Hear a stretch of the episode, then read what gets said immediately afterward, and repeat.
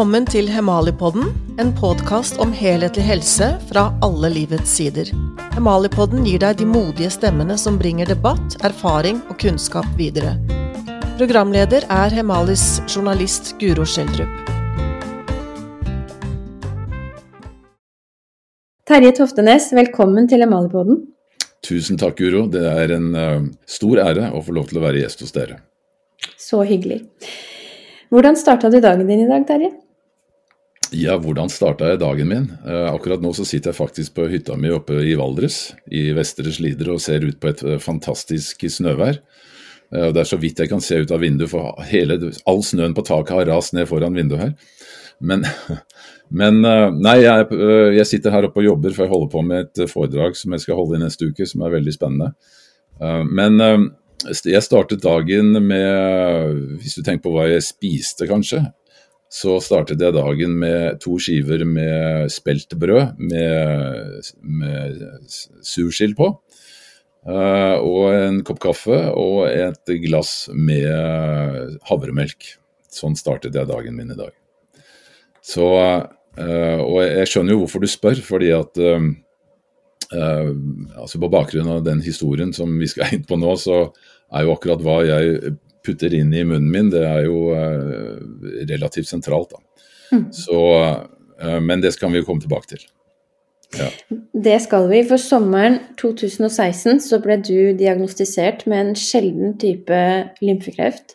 Yes. Og du gjorde noen, litt research sjøl og fant ut at det var 32 måneder overlevelsestid i snitt. Mm. Uh, men nå, de som er gode i hoderegning, vet jo at det er jo over seks år siden. Så du, du uh, ja, altså, ja, ble ikke en del av den statistikken. Nei, heldigvis ikke. Mm. Nei, altså jeg fikk jo en veldig sånn, uh, sjelden form for lymfekreft som het Cesari-syndrom. Som egentlig var en sånn kreftform uh, i huden, hvor jeg fikk noen kjempesvære altså Det startet med noe veldig, veldig mye utslett over hele kroppen som jeg hadde i mange år og som uh, hudlegene trodde var uh, en form for eksem og psoriasis osv. Og, jeg smurte på masse kortisonkrem for å holde den nede, men det ble jo aldri noe bedre. Og så plutselig så en dag så fikk jeg noen sånne svære klumper som poppet ut liksom på rumpa og på låret og på ryggen og på magen som så ut som sånne svære kjøttkaker. Og det var jo da jeg ble skikkelig engstelig, da. Uh, og endte Unnskyld at det kom en liten pip her fra datamaskin. Nei, altså det var da jeg, eh, jeg dro på Radiumhospitalet uh, og fikk denne diagnosen uh, Cesari syndrom. Og da sa de at dette De var litt forsiktige med å antyde skal vi si, alvorlighetsgraden av det. De sa at du kan nok leve med dette en stund, men det vi kan si er at ingen noensinne har blitt frisk av denne kreftformen. Ikke som vi vet her i Norge, eller, eller, det vet vi definitivt, at ingen har blitt noensinne frisk av den her i Norge, og så vidt vi vet, ingen andre steder heller. Så dette er en kreftform som du må leve med til du dør. Og eh, jeg spurte jo da umiddelbart hvorfor har jeg fått dette her.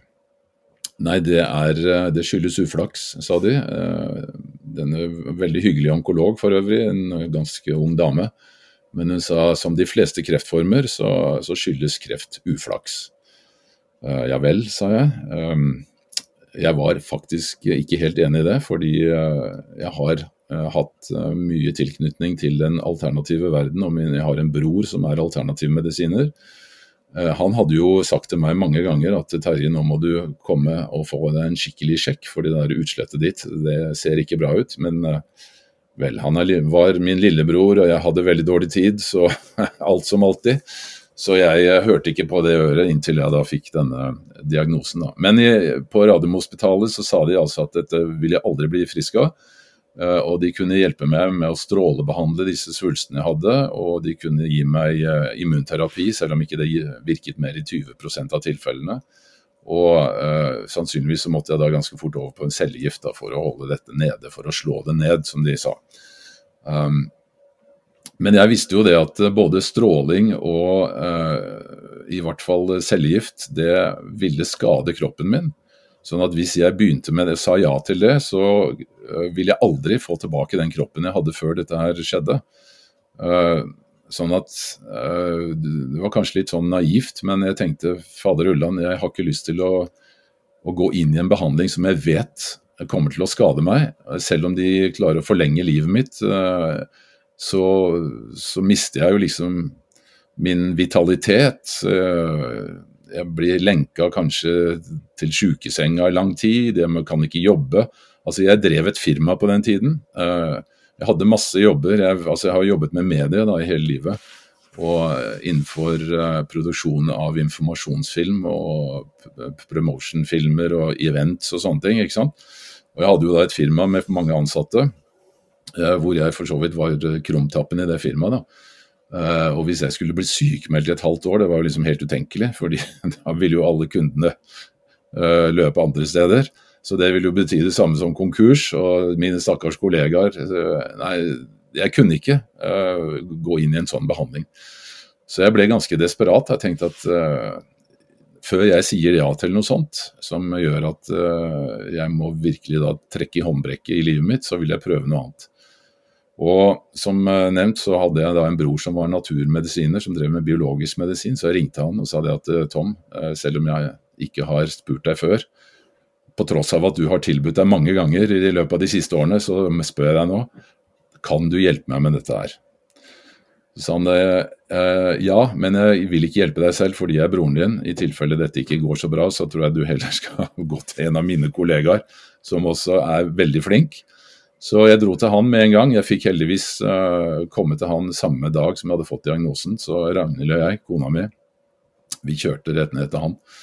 Han bodde litt syd for Oslo og fikk da en ganske grundig undersøkelse. Eh, og det gjorde at eh, jeg eh, ringte Radiumhospitalet dagen etterpå og sa at jeg vil utsette den behandlingen deres. De syntes jo jeg var komplett dust, selvfølgelig, for de mente at det var veldig viktig at jeg kom i gang med dette fort som mulig, for dette ikke bare kunne uh, utvikle seg videre, men det kunne også spre seg til andre steder i kroppen. Um, for å spole litt tilbake, da jeg var på Radiumhospitalet etter å ha fått diagnosen hvor de sa at jeg aldri kom til å bli frisk, og, de, og, det var uflaks som var årsaken, så var jo da selvfølgelig mitt neste spørsmål eh, hva skal jeg gjøre selv? Og da ble jeg veldig overrasket, for de sa nei, eh, gå hjem og lev som normalt. Eh, kos deg, nyt livet, vi skal ta oss av sykdommen. Så sa jeg men herregud, jeg kan ikke gå hjem og leve som normalt, det er jo det som har gjort meg sjuk. Nei, sa de, vi har ingen forskning som eh, kan støtte opp om at denne sykdommen har noe som helst med kosthold og livsstil å gjøre. Så du kan bare gå hjem og leve som normalt og sørge for å få i deg nok kalorier. Må gjerne spise iskrem og sjokoladepudding, bare få i deg nok kalorier. Uh, og det syns jeg, for å si det mildt, synes jeg hørtes veldig merkelig ut. Og det var jo også da en av grunnene til at jeg umiddelbart ringte til uh, min bror, naturterapeuten. For det jeg har skjønt i ettertid, er at det å gå hjem og leve som normalt når du har kreft, det er omtrent det mest idiotiske du kan gjøre. For da bare hiver du mer bensin på bålet. Men det kan vi komme tilbake til. Men uh, hvis du skal beskrive livet ditt fram til 2016, da. Uh, jeg skjønner jo at du har jobba veldig mye. Um... ja, altså, jeg har alltid vært veldig sånn engasjert av natur. Uh, jeg pleier å si litt sånn fleipete at da jeg ble født, så gikk min mor 14 dager over tiden. Og det har jeg måttet slite med resten av livet, for jeg har alltid ligget på etterskudd. Så, så Nei, altså. jeg har jeg har alltid vært veldig interessert i ting. Og eh, da jeg kom, begynte å jobbe med media, som jeg syntes var kjempespennende, så hadde jo ikke døgnet nok timer. Altså Vi fleipa jo ofte med det i den bransjen at vi hadde søkt Gud om å få utvide døgnet til 36 timer, men det var ingen som hadde fått svar, dessverre enda.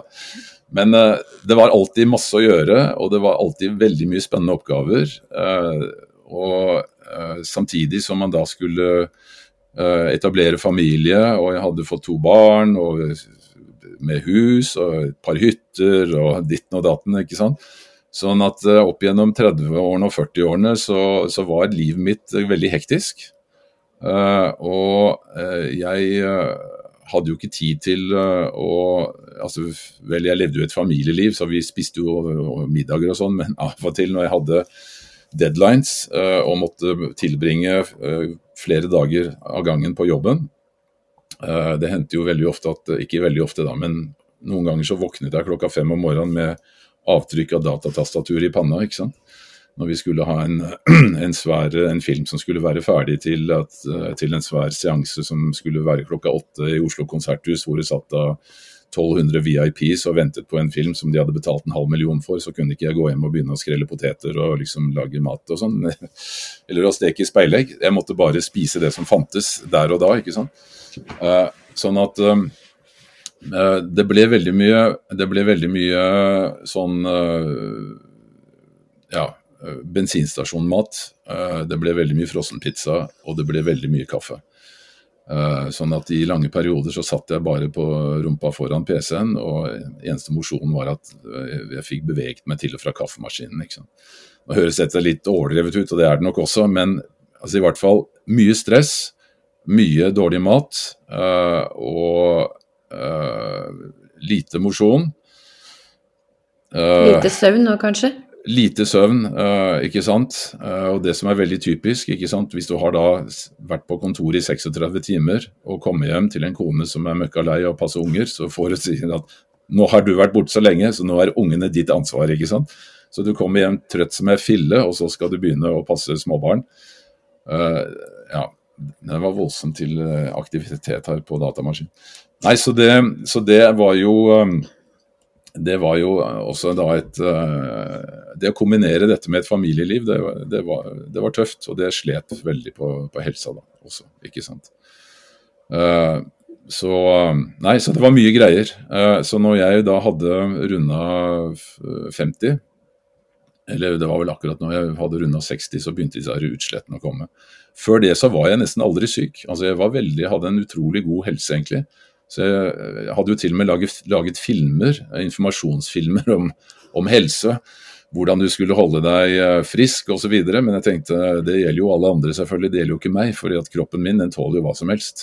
Eh, så jeg var veldig bortskjemt med at jeg aldri var sjuk. Jeg, jeg, tror i løpet av 30 eh, år så hadde jeg vært borte fra jobben to dager fordi at jeg hadde forløfta meg på en kasse med tungt utstyr. Men, og jeg hadde selvfølgelig noen forkjølelser og sånn innimellom, men ellers så var jeg alltid frisk. ikke sant? Så det var det at jeg plutselig hadde fått kreft, det var et, et skikkelig setback. Jeg kunne ikke skjønne at det skulle ramme meg. Og Jeg hadde jo kjørt forbi Radiumhospitalet mange ganger og tenkt at stakkars de menneskene som må inn der, det skal i hvert fall aldri jeg sette mine ben. Men plutselig en dag så var det min tur, og, og da, da, da, snudde livet veldig brått. Mm. Ja. Jeg vil tilbake til um, naturterapeuten. Du hadde ja. vært, fått diagnosen på Radiumhospitalet samme dagen, og ja. du var hos naturterapeuten. Kan du fortelle litt mer om, om hva naturterapeuten gjorde for uh, For det tror jeg var i stor kontrast til det du opplevde på Radiumhospitalet. Ja, altså på Radiumhospitalet så uh, blir du skanna. Uh, og du blir selvfølgelig sett på.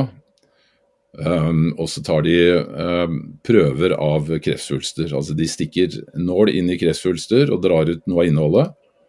Uh, det gjorde de på meg, men det, da klarte de ikke å finne ut egentlig hva det var. Så det endte opp med at de måtte operere ut en lymfeknute. Fordi jeg hadde jo altså sånne lymfeknuter i lysken da, spesielt, som var så svære som egg. Sånne svære kuler. Som da var uh, veldig betent ikke sant? og fulle av kreftceller. Så det endte med at, uh, det, det, at jeg måtte operere ut av en sånn lymfeknute i lysken. Og det syns jeg var litt uh, skummelt, fordi at jeg tenkte, så jeg spurte jo legen altså, du kan ikke ta liksom ut en fungerende lymfeknute bare fordi at ikke dere klarer å stille en diagnose, så skal du operere ut en, en sånn vesentlig del av hele lymfesystemet mitt bare for at det trenger noe å se på. jo, det, det, var ikke noe problem, for det var så mange lymfeknuter rundt omkring i systemet, så det var ikke noe problem. Eh, så de gjorde det, da. Uh, resultatet var jo selvfølgelig at jeg fikk da infeksjon i det såret, det var nå én ting. Men en annen ting er at uh, det, lymfedrenasjen i det beinet, ene beinet har aldri vært den samme siden. Så jeg angrer veldig på at jeg sa ja til det, da, bare for at de skulle stille diagnose. Men uh, men uh, nok av det, uh, da de hadde fått uh, gjort dette her, så, klarte de da å stille den diagnosen da, som da gjorde at de måtte, skulle sette i gang med strålebehandling og, og cellegift. men de er veldig avhengige av en diagnose. altså Jeg skjønner jo etter hvert hvordan hele helsesystemet er bygget opp. Og Det er også skrevet om en del i denne boka. Fordi, altså, For jeg tenkte jo at de må jo se altså Jeg kunne jo se disse kreftsvulstene mine. Du bør ikke operere ut en lymfeknute, du ser jo hvordan dette her er, så bare kom, kom igjen, si, si, hva vi skal gjøre, liksom. Men altså, diagnosen er jo helt sentral. Uh, uten en diagnose så funker ikke systemet. Uh, både når det gjelder behandlinger, men også når det gjelder den finansielle delen av, av behandlingen. ikke sant? Fordi sånn som det er, så skal jo sykehusene da sende regning på alt det de gjør. Akkurat som fastlegen må også sende regning til Helfo på alt det han gjør. ikke sant? Det et, eh, og det må jo da være basert på, eh, på helt spesifikke utførte oppgaver i henhold til definerte eh, diagnoser. Så hvis ikke du har en diagnose, så får du ikke gjort noe. Så, så sånn er systemet, og derfor så, så måtte de gjøre det, da. Men så Derfor så var det et veldig rigid system, men jeg opplevde allikevel at de brukte veldig liten tid. Det var, veldig, det var, ingen av de som spurte noe særlig hvordan jeg hadde levd. De var overhodet ikke interessert i det. Eh, de spurte ikke liksom eh, hvordan jeg følte det, hadde det, liksom sånn. Det var bare sånn zack, zack, zack. ikke sant? Og til og med når eh, altså Det som du opplever på norske sykehus, i hvert fall på Radiumhospitalet, at hver gang du kommer inn til en konsultasjon, så er det alltid en ny lege. Det er veldig sjelden samme person kommer to ganger etter hverandre. Og Da jeg var inne der andre gangen, ikke så, så, var det da en ny lege. og Så sa han OK, nå har vi 20 minutter, nå må du fortelle hva, hva, hva dette gjelder. Ja, Da begynte jeg å fortelle, så sa han ja, ta kortversjonen, da, spol litt fremover. Vi har ikke tid til dette. Og det følte jeg liksom at de var egentlig ikke interessert i meg som person. De var bare interessert i diagnosen min, sånn at de kunne gå inn på dataen sin og finne ut uh, hva, hva, slags pakkeforløp jeg skulle ha. Så jeg følte meg liksom som på en sånn der samlebånd, på en måte. ikke sant? Og jeg forstår det, fordi med den enorme uh, påtrykket som er av pasienter, uh, og ikke minst kreftpasienter i våre dager, så er de nødt til å ha et industrialisert sykehussystem. Da har ikke legene tid til å sette seg ned og prate i tre timer med hver pasient. ikke sant? Men det har derimot en biopat. Og det var jo også en helt annen verden, for nå jeg, her kommer svaret på det du egentlig spurte om. Da jeg kom til biopaten, så var jeg der i, tre timer.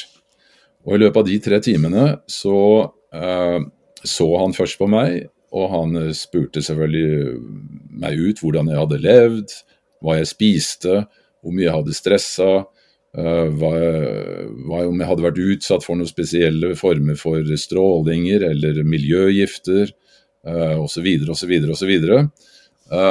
Og han hadde spurt om jeg hadde noen psykiske traumer, om jeg hadde hatt noen spesielle heftige opplevelser i livet osv. Det, det måtte jeg jo fortelle om. Uh, det som var av det. Uh, så han var veldig interessert i liksom hele bakteppet. da. Og så eh, tok han en, eh, og stakk eh, i fingeren min med en liten synål, og tok ut eh, et par bloddråper og la på et, en glassplate og tittet på dette i et mørkefeltsmikroskop. Og da fikk vi opp, Det var jo kobla til en svær fargeskjerm, en svær videoskjerm, så da fikk jeg se mitt eget levende blod på en svær skjerm. Og det var ganske pussig. Fordi du tror liksom at jeg er jo alt det som er inni kroppen min. Men plutselig så tok han ut en bloddråpe, og der fortsatte jo jeg å leve på den dataskjermen mens jeg satt og så på liksom ved siden av. ikke sant? Altså, Jeg så jo blod, eh, blodlegemene mine svømte rundt inni der. Jeg så et yrende liv. Det var som å se inn i et univers ikke sant? Av mikroorganismer, og det var sånne svære makrofager, sånne hvite blodlegemer som var som sånne si, sånne selvgående automatiske støvsugere som svømte innimellom disse her blodlegemene og, og liksom slurpa i seg sånne mikroorganismer og bakterier som Og du kunne se når de kom inn i de der hvite blodlegemene, så fikk de spant de rundt der helt til de plutselig døde, ikke sant. Altså Den der kjempesentralstøvsugeren som, som føk rundt inni der, var helt utrolig fascinerende å se på.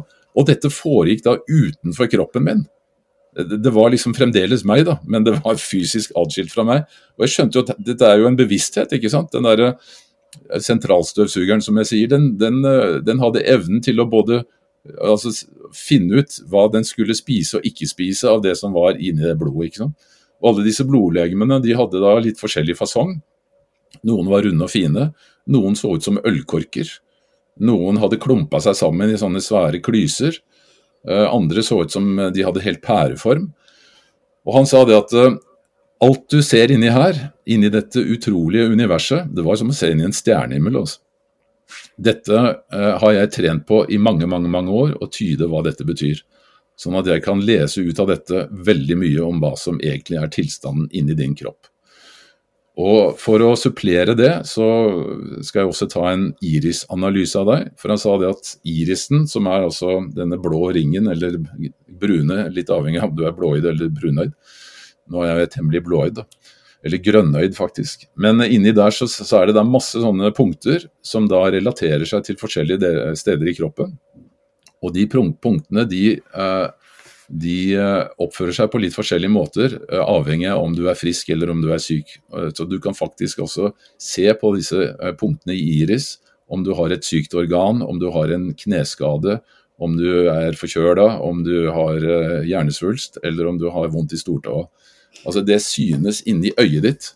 Så han sa at dette er ikke en informasjon som vi kan stole 100% på, men en veldig god tilleggsinformasjon til denne blodprøven. Og I tillegg så hadde han da et apparat, et eh, frekvensanalyseapparat, som eh, han, jeg tror var utviklet i Russland, faktisk. Hvor jeg satt og holdt da noen sånne elektroder, og så kunne han skanne gjennom kroppen min. For han sa at hvert, hvert organ i kroppen har sin egen frekvens. Hver eh, del av kroppen har egne, sine egne frekvensmønstre. Og når vi sender inn da tilsvarende frekvenser, så kan vi på en måte analysere og se om du har sterke eller svake sekvenser, frekvenser der og der, og da kan vi se om du har svakheter i kroppen på enkelte steder. Så alle disse tre tingene sammen gir oss et veldig godt bilde av tilstanden i din kropp, sammen med alt det som du nå selvfølgelig har fortalt meg, og også alle de blodprøvene som jeg hadde tatt med fra sykehuset, som er da kjemisk, eh, en kjemisk analyse av blodet mitt. Så han sa når jeg ser på alt dette her, så kan jeg fortelle deg veldig mye om tilstand. Så nå kan du sette deg ned, Terje, så skal du få høre hva som er greia. Ok, så han begynte Nå skal jeg bare se om jeg husker alt sammen. da. Han sa det at uh, Jeg får begynne med å si at uh, tilstanden i din kropp er så full av toksiner, altså giftstoffer, at jeg må nesten si at det er rart at du lever i det hele tatt. Uh, leveren din er, uh, hvis jeg skal bruke en analogi, så er det som en kjøkkenvifte som ikke har vært rensa på 20 år. Motoren går, men renseeffekten er betydelig uh, dårligere. Leveren er jo et altså er et organ som har veldig mange, mange, forskjellige oppgaver. Både med å produsere ulike stoffer, men også å være rensesystemet. For, altså alt blodet ditt går gjennom leveren. Så det er en helt vanvittig kompleks, unik eh, greie. Men den renser altså blodet, og den skiller ut da avfallsstoffer og prøver å sende det ut. Uh, håper å si, uh, altså enten gjennom vann eller ut i tarmen ikke sant? som avføring. Men hvis du tar inn mer, får inn mer giftstoffer i kroppen enn det den klarer å prosessere, og, og sende videre, så må den på en måte deponere det på en eller annen måte. Og da blir mye liggende igjen i leveren, pluss at den da må begynne å deponere det andre steder i kroppen hvis den ikke klarer å få det ut eh, fort nok. Som forklarelse. Dette er litt popularisert, da. Men altså, du har altså en veldig tilkloga lever, så den må vi få renset opp. Og en av årsakene til dette er at du har lekt tarm. Ja vel, hva er lekt tarm, da, sa jeg. Nei, altså eh, når du får altså du, Tarmen er jo et av de faktisk viktigste organene i kroppen. Det er jo en kanal som er eh, mange meter lang og som går eh, tvers gjennom kroppen din. Alt det du putter inn i munnen, det skal eh, gjennom denne lange kanalen. Og så før det kommer ut i den andre enden, eller ut i, i, i nyrene, eller og, altså i ja, urin. ikke sant? Men altså at denne kanalen har en veldig viktig oppgave, og det er at den skal alle bakteriene som er inni her, de skal da sørge for å eh, sortere ut alle næringsstoffene dine, eller alle næringsstoffene som er i maten, og så skal det sendes gjennom en veldig sånn tynn slimhinne som, i, eh, som omgir tarmen. Eh, det er veldig veldig tynne porer, og der skal disse, disse næringsstoffene siles igjennom og inn i blodbanen, som da er direkte kontakt på den andre siden av denne slimhinna. Men samtidig så skal altså alle avfallsstoffene de skal holdes tilbake, sånn at de kommer ut uh, i avføringen. ikke sant? Men når du får en betennelse i tarmen din, som kan skyldes f.eks. at du har spist noe som du ikke tåler, det kan være at du, ikke, at du er, for eksempel, uh, har en uh, matintoleranse overfor gluten, eller at det er f.eks. et sprøytemiddel som har vært brukt det korn, i det kornet som er i det ølet som du nettopp drakk, eller i det brødet du nettopp spiste, eller i den kornblandingen du hadde til frokost. Kanskje det er noen sprøytemidler der. altså Glyfosat brukes veldig mye i hvete. ikke sant? Jeg spiste jo veldig mye hveteboller. altså Det var typisk når jeg var på bensinstasjonen midt på natta for å mette, mette meg, så var det liksom en pølse, en cola, en Kvikk Lunsj og en pose med boller. ikke sant? Det var, en deilig cocktaileffekt. Det var en veldig der. deilig cocktail. Eh, da ble jeg mett og kunne jobbe videre. Men alt det inneholdt da stoffer som gjør at tarmen blir veldig irritert og eh, betent. Og da skjer dette at altså disse hull, mikroskopiske hullene da, som bare skal slippe gjennom næringsstoffer, de blir plutselig ødelagt, sånn at de begynner å bli mye større, og så begynner å slippe eh, mange av disse giftstoffene gjennom og ut i blodet. I tillegg til også at det kommer bakterier og sopp og andre mikroorganismer som egentlig skal være inni tarmen. Det kommer da også over i blodbanen. Så plutselig så får du dette inn i kroppen, og så siver dette rundt i hele systemet ditt. ikke sant? Og han, eh, en av disse legene som jeg da var i kontakt med senere, Thomas Rau, han har jo forklart det på en veldig sånn eh, billedlig måte. Han sier at um, hvis du sammenligner kroppen med en tønne, så begynner den tønna å fylles med gift, giftstoffer, fra ganske tidlig alder. Altså Med en gang du slipper puppen til mor og begynner å spise vanlig prosessert, industrialisert mat, så begynner den uh, tønna sakte, men sikkert å fylles. Og så lenge du er ung og alle organer funker og leveren din er i toppform og immunsystemet ditt er i toppform liksom gjennom hele ungdommen og ungdomstida, de tidligste 20-årene osv., så, videre, så merker du ingenting. Altså da Kroppen klarer stort sett å, å prosessere dette her, men allikevel så fylles den tønna sakte, men sikkert. Etter hvert som du blir, vokser til, så blir, begynner disse systemene dine å bli mer og mer tilklogget. Og eh, rensesystemene fungerer sakte, men sikkert dårligere og dårligere. Og dermed så fylles denne gift, gifttønna stadig mer og mer og mer. Og når du da er blitt 50-60, så er den plutselig blitt helt full, og så renner over kanten. Og så får du plutselig da det vi sier en kronisk sykdom. Altså du rammes av en sykdom. Plutselig så har jeg fått uh, Crohns uh, sykdom, jeg har fått irritabelt tarmsyndrom, jeg har fått raumatisme, jeg har fått, uh, jeg har fått kreft, jeg har fått hjerte-karsykdom. Jeg har til og med fått Alzheimer, jeg har fått Parkinson jeg har fått osv. osv. Alt dette skyldes, sier da denne nye forskningen, alle disse her, giftstoffene som har bygget seg opp i denne gifttønna, og som plutselig renner over da når du er kommet til et gitt tidspunkt i livet. Og det var det som skjedde med meg. Den gifttønna rant over. Og det som jeg fikk beskjed om på sykehuset, det var bare å prøve å tørke det av ikke sant, istedenfor å dra ut båndproppen. Så han sa det, Terje, det vi skal gjøre med deg, er å trekke ut båndproppen. Det var det jeg gjorde. Jeg kan gå mer i detalj etter, etter hvert hvis du vil det. Så det er jo egentlig et veldig godt bilde på forskjellen på Radiumhospitalet og hos biopaten, mm. Eh, som, som, ville symptombehandle på Radiumhospitalet, og naturterapeuten gikk til årsaken. Ja, altså det er, det, det, det er den, altså den, hovedforskjellen da, på disse to mm. um, måtene å, å, se kropp og sykdom på. Mm. Altså eh, symptombehandling kontra årsaksrettet behandling. Mm. Nå skal jeg ikke si all, at all eh, medisin innenfor eh, helsevesenet er symptombehandling, men det er primært det fordi de bruker medisiner, ikke mm. sant? Mm. Istedenfor å, å, å spille på lag med kroppen og fjerne årsaker. Men da du, du gikk ut fra naturterapeuten den dagen, så hadde ja. du et helt eh, arsenal av metoder som skulle brukes. Så fortell litt om hva du, hva du gjorde.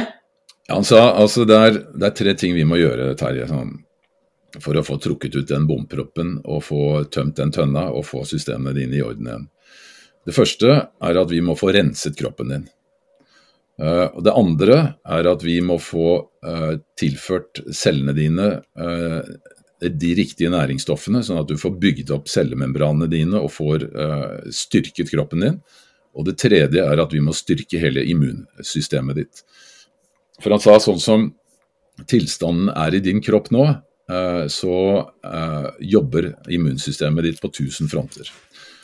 Han sa jo også en veldig viktig ting, da, det må jeg tilføye eh, helt i starten da jeg kom til han. Han sa det at jeg, jeg behandler ikke kreftpasienter, sa han. Eller vil si, jeg behandler ikke kreften. jeg behandler din allmenntilstand. Fordi jeg skulle gjerne ha behandlet kreften din, men det har jeg ikke lov til. Fordi jeg ikke er en del av det skal vi si, regulerte offentlige, eller det, regulerte helsesystemet, det autoriserte helsesystemet. Vi som er naturterapeuter, vi foreløpig i hvert fall, så får ikke vi lov til å jobbe i samarbeid med helsevesenet eller med sykehusene, dessverre. Selv om vi har veldig mye som de kunne dra nytte av. Så Derfor, derfor sier denne norske loven, som tidligere ble kalt kvakksalveloven, at uh, altså folk som ikke er da i det uh, regulerte systemet, autoriserte helsevesenet, de har ikke lov til å behandle alvorlige sykdommer. Og Bare et uh, lite ord om det. Det er selvfølgelig et poeng med at denne loven er laget sånn. Fordi det hadde vært, hvis vi tenker oss at alle uh, kunne henge opp en plakat på veggen og si at uh, kreftbehandling 20 kroner, eller 200 kroner, eller 2000 kroner, jeg gjør deg frisk på en uh, eh, 14 dager. Altså, Det er jo det man vil prøve å unngå, at ukvalifiserte mennesker som tror de kan mer enn det de kan, utnytter mennesker i en sårbar situasjon. Det må det være en bremsekloss mot, ikke sant? og det er den loven. Så det er greit. Eh, dessverre så virker, er det da en, en, altså Den har en negativ effekt ved at den også da bremser de som virkelig har noe å tilby. Og det, så Det er jo egentlig et svært kapittel i seg selv. altså skal vi si skolemedisin kontra komplementærmedisin eller alternativ medisin. Så, ja, og mangelen på bro mellom de. Ikke sant? Det er, det er, det er, en, det er en, mur imellom. Mm. Uh, og det er beklagelig. Det er forståelig på en måte, samtidig som det er beklagelig. Mm. Så det, det, er en av de tingene som man er nødt til å gjøre noe med. Eh, men det skal jeg forklare litt mer om senere. Men i hvert fall, det var dette han sa til meg, at vi må gjøre disse tre tingene. Altså rense kroppen din, bygge opp celle, cellene dine og, eh, og, bygge opp immunsystemet ditt. Og da kan i beste fall kroppen begynne å ta hånd om dette på egen hånd. Sånn at jeg behandler din allmenntilstand. Så får vi se hva som eventuelt skjer med kreften. Og Han sa at jeg skal ikke anbefale deg å å, droppe sykehusbehandling. Det er helt opp til deg hva du vil gjøre. Uh, en del av det som jeg skal sette deg på nå, uh, kan du fint kombinere med det. Men det er klart at uh, hvis du skal f.eks. ta cellegift samtidig som jeg prøver å rense leveren din, så sier det seg selv at det går ikke. Fordi når du får cellegift inn i kroppen, så går kroppen så får, altså, leveren din får en kjempejobb med å rense den giften ut igjen. Så da kan ikke vi drive med avgiftning av leveren samtidig. Altså, eller vi kan ikke da, eh, For det vil bare gjøre at denne prosessen krasjer. Så, og da får ikke, eh, Hvis vi skal avgifte samtidig som du får cellegift, så får ikke cellegiften heller da nødvendig effekt. Men det var nå så. Eh, så jeg sa det at jeg sier til sykehuset at jeg venter. Nå vil jeg da ta imot den behandlingen du gir meg. Så han sa det første vi må gjøre, det er at uh, vi må få rensa deg, sånn at du skal vannfaste i ti dager. Du må få tømt leveren din for avfallsstoffer, så den må slippe å drive og prosessere all mulig mat. Så nå må den få lov til å få en skikkelig timeout og hvile seg og tømme seg. Så da skal du drikke vann i ti dager blandet med fiberhusk, som er et sånt uh, sånn, uh, ja, et stoff da, som gjør at vannet tykner seg, og så får du også hjelp til å dra ut tarminnhold. Eh, du kan også bare drikke vann, selvfølgelig, men da kan du i verste fall få forstoppelse. Eh, så jeg tenkte jøss, skal jeg fast, skal jeg ikke spise noe på ti dager? Nei, du må ikke, du må ikke det, sånn. Du må, du må, bare drikke dette her. Og Så kan du også blande litt eh, knuste linfrø oppi, for da demper det litt på metthetsfølelsen. Så jeg tenkte ok, alternativet mitt var jo veldig mye verre, så jeg tenkte at for jeg hadde bestemt meg at nå skal jeg pinadø meg klare å bli frisk. Jeg skal vise sykehuset at det, det, finnes andre muligheter. Så jeg sa ok, uansett hva du sier, så skal jeg gjøre det 100% Så jeg øh, fikk da øh, en oppskrift på hvordan jeg skulle gjøre dette her. Og så samtidig så fikk jeg da en del remedier som jeg måtte ta. Blant annet, for han hadde jo også oppdaget at jeg hadde mye tungmetaller i kroppen. da, Spesielt amalgam. Altså, Jeg vokste opp en tid hvor frokosten på 50-tallet besto av eh, cornflakes med et teppe med sukker på hver morgen. Og godterier og sånn, det, det, var ikke noe problem, fordi da sa helsemyndighetene at det var viktig å få i seg nok kalorier. Så sukker var en veldig næringsviktig del av næringen. Uh, og det resulterte jo at da jeg var tolv år, så så jo altså tennene mine ut som en Når jeg åpnet munnen, så så ut som du så inn i en sølvgruve. For jeg hadde jo så mange høl. Jeg husker jeg, var skoletannlegen i 5. klasse, så hadde jeg 13 hull. ikke sant? Det var jo et mareritt av en annen verden å få plombert alt det der. Men all den amalganen da, som jeg hadde båret på hele livet, den hadde jo da gjort at jeg var, hadde ganske mye kvikksølv i kroppen, også fordi at jeg prøvde å fjerne dette her etter hvert. I tillegg så hadde jeg mye aluminium. Så dette må ut, for det skaper også betennelsestilstander. Og Da måtte jeg ta et stoff som het zeolitt, som jeg tok da i forbindelse sammen med vannfasten. Så, så, eh, og I tillegg så skulle jeg etter hvert også begynne å ta en god del kosttilskudd. Etter at jeg hadde fastet i ti dager, så måtte jeg over på en grønnsaksdiett som besto av kokte grønnsaker.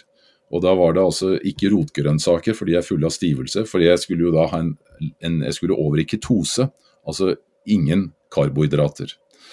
Uh, og hvorfor jeg skulle over i ketose, det skal jeg forklare etterpå. Men uh, denne grønnsakssuppa da, som jeg måtte spise uh, frokost eller morgen, middag, og kveld, den besto av de grønnsakene som vokser på bakken. Og det var primært kål, alle typer kål, altså brokkoli, hodekål, øh, øh, blomkål, øh, ja, alt mulig sånn ditten og datten kål.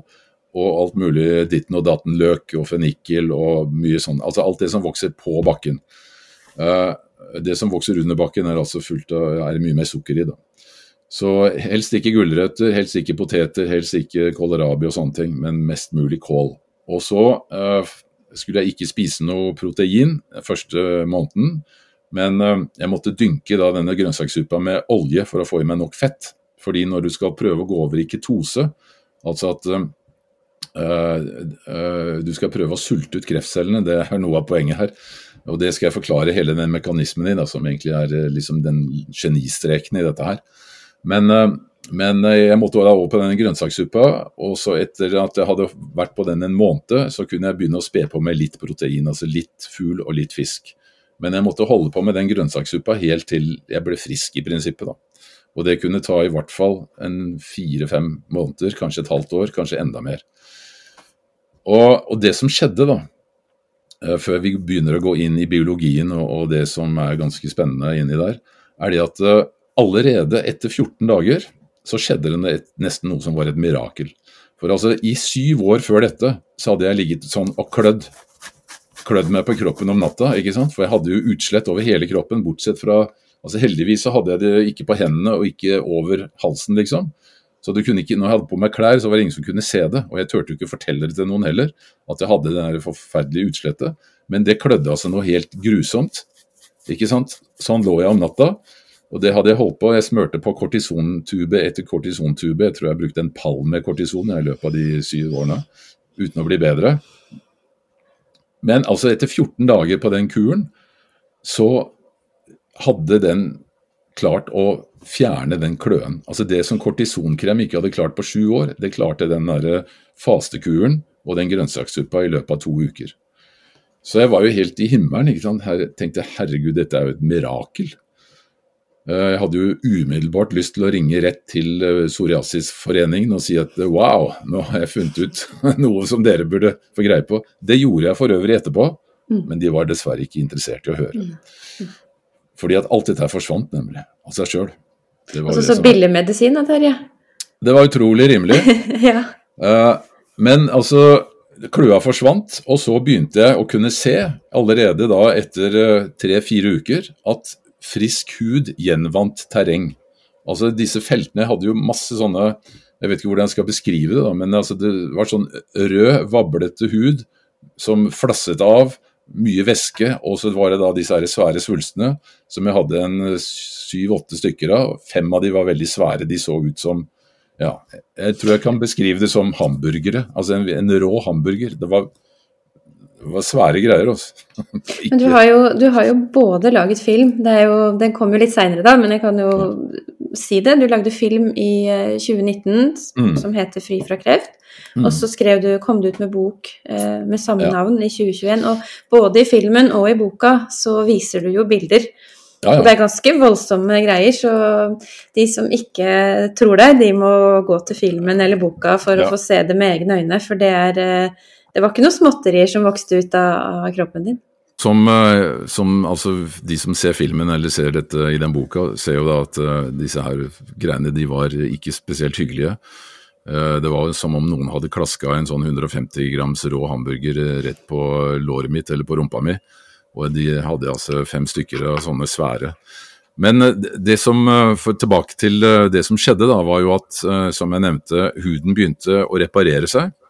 Og disse her svære svulstene de begynte nærmest å håper de råtne på rot. altså De ble fulle av sånn hvit materie og begynte å lukte noe helt grusomt. Og jeg var jo fremdeles i full jobb, ikke sant. Jeg kunne jo ikke Fordi altså igjen, dette her med En ting er at kreft ikke gjør vondt, men altså du føler deg jo ikke noe sånn fysisk svekket for det om du har kreftsvulster. Sånn at jeg var jo Jeg spilte jo fotball en gang i uka og var ute og jogga og, og holdt på å jobbe på, ikke sant. og og, og fysisk så, så, fungerte jeg jo helt greit, liksom. Selv om jeg da hadde endra dietten betydelig, da. Um, men, men jeg måtte jo da, siden jeg var i full jobb og hadde stadig kundemøter og sånn, og disse her svulstene begynte å lukte, så måtte jeg jo plastre meg med sånne babybleier eh, som jeg teipa på kroppen hver morgen. ikke sant, Måtte ha hjelp av Ragnhild. Så jeg så ut som en sånn der vandrende mumie omtrent. Uh, bortsett fra, altså fra opp til halsen og, og, sånn. Men, eh, så det var et styr. Men, eh, men, det som eh, var hyggelig, var jo at dette her begynte å, å bli bedre og bedre. Og jeg skjønte at dette her har jo faktisk Det, det funker, ikke sant. Så jeg var jo inne på Radiumhospitalet da, en gang i måneden. Og de så på dette, og jeg, sa, jeg var jo full av entusiasme og begeistring. Jeg sa se her, jeg har funnet noe som virker, ikke sant. Dette her går jo tilbake. Så så de på meg og sa ja ja, men uh, erfaringen sier at dette her kan jo gå litt opp og ned, Toftnes. Men uh, du, kommer, altså, du, kommer, aldri til å bli frisk av det. Selv om det ser litt lovende ut, så du bør nok begynne med, med denne strålebehandlingen og umiddelbart. Skal vi sette opp en time? Jeg sa nei, jeg vil ikke enda. Og de syntes jo fremdeles jeg var komplett dust, ikke sant. Uh, så de bare rista på hodet og syntes jeg var helt uh, idiot som tok den. De sa du, er klar over at du tar en kjemperisk nå, ikke sant, for plutselig så kan dette spre seg inn i kroppen din. Jeg sa ja, men jeg har en veldig god følelse, og jeg har tenkt å bli helt frisk. Jeg vil ikke invalidiseres av uh, kreftbehandlingen. Ja vel. Um, det som skjedde videre, var at etter fire måneder så var jeg blitt så god av denne behandlingen av både den der grønnsakssuppa og av alle de der tilskuddene jeg tok. Altså jeg hadde jo Jeg tror jeg hadde nesten 20 forskjellige bokser med ting. Jeg må jo også nevne at jeg, nevne at jeg brukte en del sånne såkalte sanummidler, altså som er eh, sånne isopatiske eller hom, uh, homopatiske midler, for å også få renset ut mange, mange, forskjellige ting. Og I tillegg så fikk jeg også en spesiell sånn urtemiks av denne biopaten. Så det var mange greier. altså Jeg måtte liksom jeg hadde en sånn svær dosett da, med ulike bilder og, og, og, og, ting jeg måtte ta, og, en, svært sånn, en svær bruksanvisning rett og slett, som jeg måtte følge da, daglig. Men altså, jeg, har lyst til å, skyte inn en ting, Terje. fordi at Jeg har også gått hos biopat i fem år. og Det er en viktig presisering tenker jeg, som vi må ta før vi går videre. Det er at uh, dette her er individuelt. Så det er klart at det å, gå på, å spise grønnsakssuppe er jo ikke farlig for noen. Men, men eh, f.eks. zeolitt florerer det ja på nettet. Så det er lurt og, eller viktig at man går til en terapeut og får uh, forskrevet de, de merkene som er gode og ufarlige, og dosering, ikke sant? sånn at man ikke begynner å eksperimentere på egen hånd. Kjempeviktig. kjempeviktig. Mm. Og det, altså, jeg fikk jo veldig tillit til denne biopaten. Eh, nå skal det sies at biopater, som du vet selv, de har jo lang utdannelse innenfor uh, medisin. og Han hadde i tillegg også da jobbet, uh, hadde en, en, fortid i helsevesenet. Uh, han var ikke utdannet lege, riktignok, men han hadde jobbet i helsevesenet, og han har også jobbet innenfor farmasien. Og så var han da utdannet biopat, som er et sånt uh, fireårig studium. Altså et sånt uh, ja, nett, eller kveldsstudium, da. Eller nettstudium. Eller ja, det er både nett og, og på skole, ikke sant. Uh, men det er en veldig omfattende uh, utdannelse. Så du og Biopater kan jo mye, mye mer om f.eks. ernæring og, og, sånne ting enn leger kan. Leger har uh, knapt noen få dager hvor de lærer litt om vitaminer og mineraler, men de kan jo ingenting om ernæring, uh, dessverre. Uh, sånn at uh, jeg fikk en veldig tillit til denne biopaten, Han, han, virket utrolig fornuftig og logisk og hadde en kjempeinnsikt. Og, så jeg stolte jo mye mer på han. og jeg, All respekt for kreftlegene på Radiumhospitalet, men jeg skjønte jo fort at dette med hva som var årsaken til kreften, det, det, det visste ikke de. Altså Derfor sa de det var uflaks. fordi de er helt nødt til å forholde seg til studier, og hvis ikke det finnes studier, så finnes det da ikke. ikke. Altså, da, da, da gjelder ikke, liksom. Så siden det ikke fantes uh, studier som viste at det var noe uh, connection mellom kosthold, livsstil og denne formen for lymfekreft, så kunne de ikke si annet enn at det var bare uflaks. Men det som skjedde da etter fire måneder på denne dietten, hvor jeg begynte å se at jeg, jeg visste da at jeg kom til å bli helt frisk, men samtidig så begynte jeg å bli møkka lei grønnsakssuppe. Jeg hadde spist det i fire måneder. Riktignok hadde jeg eh, fått lov til å spise litt kylling og litt uh, hvit fisk, men jeg var altså veldig lei den der, de her grønnsakene.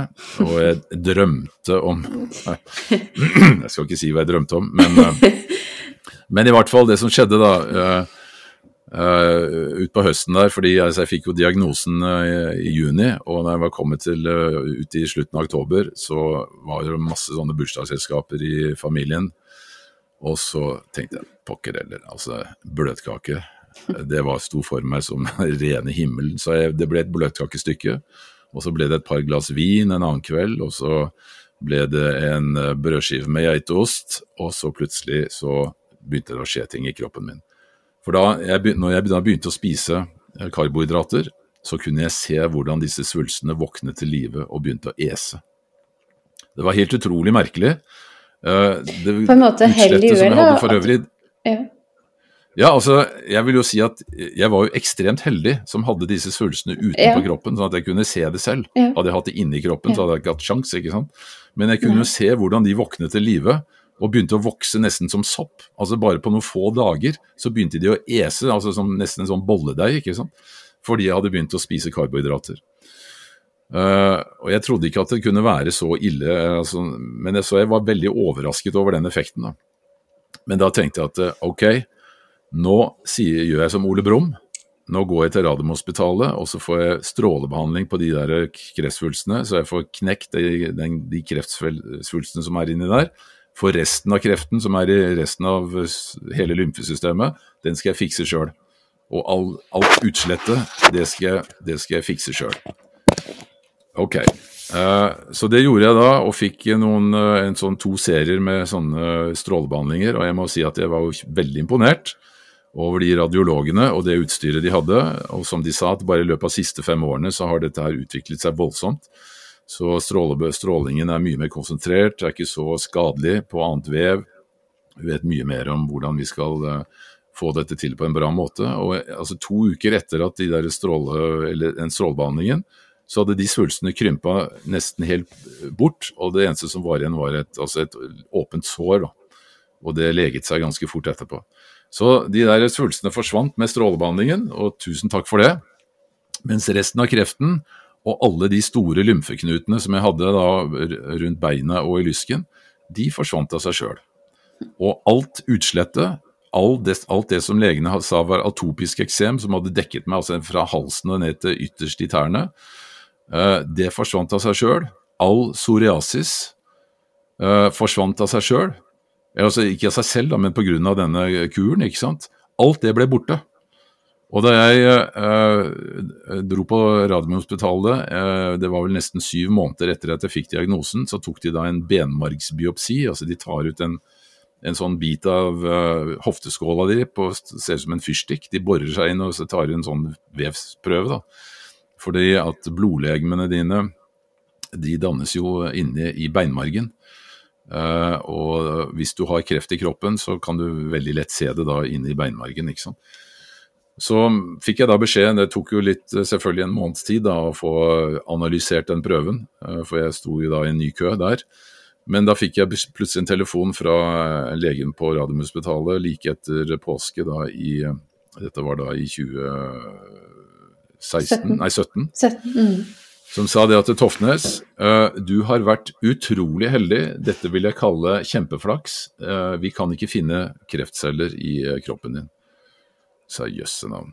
Ja, Det var jo helt fantastisk, men det var jeg faktisk allerede klar over, for jeg har jo sett det, at alt er blitt borte. Ja, men det, det, kan, det kommer tilbake. Det kommer tilbake, sa han. Er du sikker på det? sa jeg. Ja, det kommer tilbake fordi alt, alt uh, altså, Så dette, men foreløpig så, du, så, er du kreftfri. Så, så, vi skal bare holde nært øye med dette og må komme inn på jevnlige kontroller for det kommer tilbake igjen. Så jeg, det, tror jeg ikke det gjør, for nå vet jeg hvordan jeg skal bli kvitt det. Og jeg har faktisk ikke tenkt å komme mer på Radiumhospitalet, så jeg sier tusen takk for kaffen. Og det var spesielt fordi at det siste, som jeg sa da, var det at eh, nå som jeg da er den første i uh, norgeshistorien som har blitt kvitt denne formen for kreft, som dere sa var uhelbredelig, så regner jeg med at uh, forskningsavdelingen din ringer meg ganske fort. Fordi det er jo mange andre som har akkurat samme sykdommen, og de må jo få vite hva jeg har gjort. Og da sa han disse ordene som gjorde at jeg ble ganske provosert. Han, du Toftnes, uh, jeg må bare si det at vi har så mye å gjøre her at vi har mer enn nok med å forske på de som blir syke. Vi har ikke tid til å forske på de som blir friske. Og det var da jeg sa takk for kaffen. Ja. Uh, det syns jeg var ganske uhyrlig. Mm. Altså, hvor i all verden er den vitenskapelige nysgjerrigheten ennå? Altså, hva er det de er ansatt for å gjøre, liksom? Skal ikke de prøve å finne ut av hvordan de kan kurere kreft, eller er de mm. bare opptatt av å skyte på kreftceller med maskingevær og missiler, liksom? Altså, det, det provoserte meg ganske grundig. Her hadde jeg funnet en metode som eh, riktignok hadde kosta kanskje 20 000 kroner av min egen lomme i betaling til biopaten og for alle de der remediene jeg hadde måttet kjøpe. Mm. Men altså, en normal kreftbehandling koster den norske skattebetalere et sted mellom to og tre millioner. Mm. Uh, minimum. Ofte mye mer. Jeg hadde spart uh, den norske stat for et kjempesum, men de var ikke interessert i å vite hva jeg hadde gjort, ikke mm. sant. Jeg tenkte pokker heller, altså. Og ok, dette kan ikke jeg holde kjeft om. Jeg er nødt til å fortelle denne historien. Og fordi jeg har da drevet med informasjonsfilm hele mitt liv, så var det jo veldig naturlig at jeg tenkte dette skal jeg lage en film om. Og nå skal jeg få tak i de forskerne som har skjønt dette her, og som forstår greia. Og så skal jeg lage en film om det, og så skal jeg fortelle eh, sykehuset hva de må begynne å se på istedenfor. Eh, så jeg lagde den filmen, og dette er jo nå Den kom da ut eh, i 2019, uh, to år etterpå, fordi at jeg måtte jo reise verden rundt og få tak i uh, informasjon. Så det begynte jo med at jeg kjøpte alt jeg kunne finne på nettet av bøker om kreft. det lukta nok ganske svidd av kredittkortet mitt en periode. Men jeg leste og leste og leste alt som fantes av bøker, og jeg leste alt som fantes av artikler. Jeg er jo ikke medisiner, men eh, jeg begynte å skjønne en god del. For jeg har jo vært vant til, og når jeg har drevet med informasjonsfilm altså Jeg har jobbet med veldig mange store norske bedrifter. da, eh, Blant annet så har jeg vært uh, hovedleverandør av informasjonsfilm til Norske Veritas i 25 år. Så jeg er vant til å sette meg inn i kompliserte emneområder og klare å, å suge ut essensen av det og lage en, en pedagogisk god presentasjon av det. Det har liksom vært yrket mitt. Så jeg tenkte nå får jeg bruke de skillsene der og lage en god presentasjon av hvordan man kan bli kvitt kreft på en annen måte. Ja. Men um, det er jo nå seks år siden uh, du fikk telefonen fra Radiumhospitalet. Så før ja. du forteller For den altså, filmen den ble til ved at du la ut på en reise mm. over Atlanteren og, og, flere steder i Europa for å, ja. for å, søke informasjon. Men det er jo seks år siden nå, den telefonen fra Radiumhospitalet med friskmeldingsbeskjeden. Mm. Hvordan er eh, det i dag? Er du fortsatt frisk? Ja, jeg er frisk som en fisk. Ja. Uh, det må jeg si.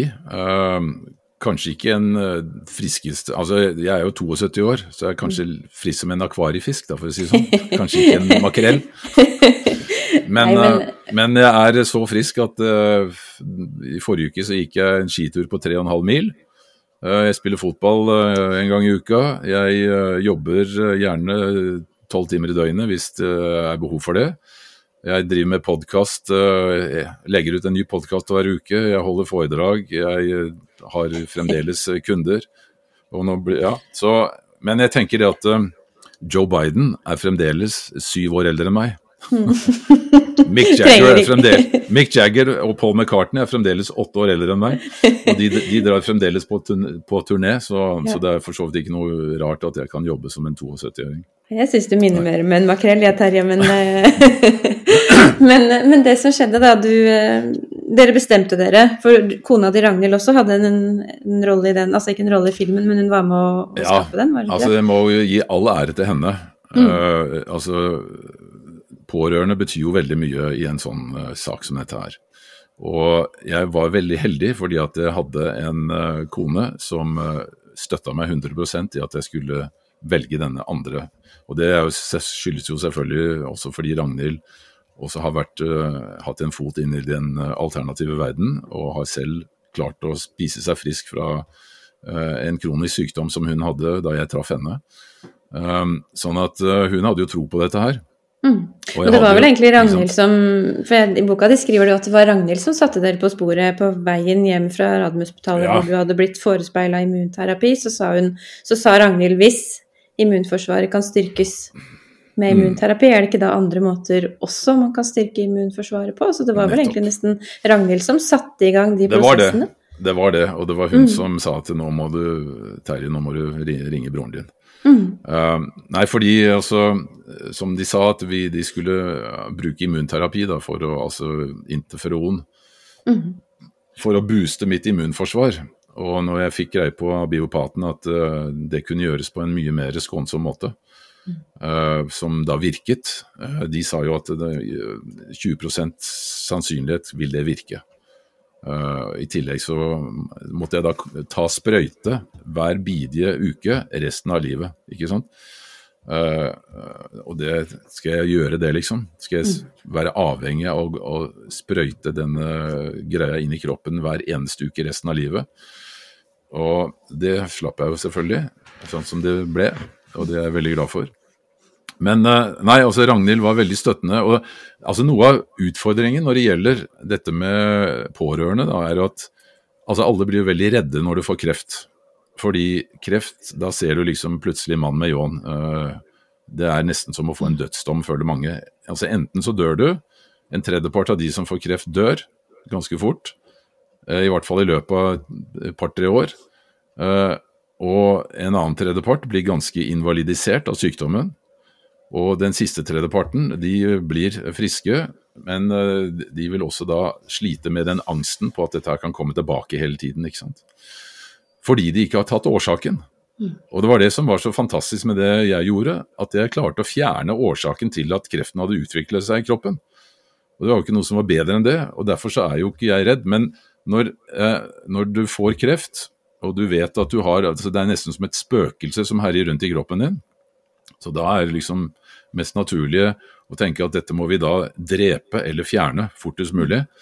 Uh, og Da vil jo også dine pårørende si at ja, selvfølgelig, du må jo dra på sykehuset, ikke sant. Da er du i de beste hender. Og ofte så er du i de beste hender på sykehuset. Hvis du er, trenger å bli reparert for en eller annen eh, fysisk skade, altså akutt medisin er jo fantastisk, all form for kirurgi er jo fantastisk. Uh, all form for Det er veldig mye medisiner og vaksiner som er jo helt fantastisk, og jeg takker jo Gud for det. Men når det gjelder kroniske sykdommer, så er det ikke så fantastisk. For der er det altså alt skytset retta på å fjerne symptomet og ikke årsaken. Sånn at når du fjerner årsaken, så behøver du ikke gå og være livredd etterpå for at kreften skal komme tilbake igjen. Og derfor så, uh, Min pårørende da, hun støttet meg 100% mens de fleste pårørende til de som får kreft, de blir jo livredde. De vil jo ikke miste mann eller kone eller bestefar eller barn.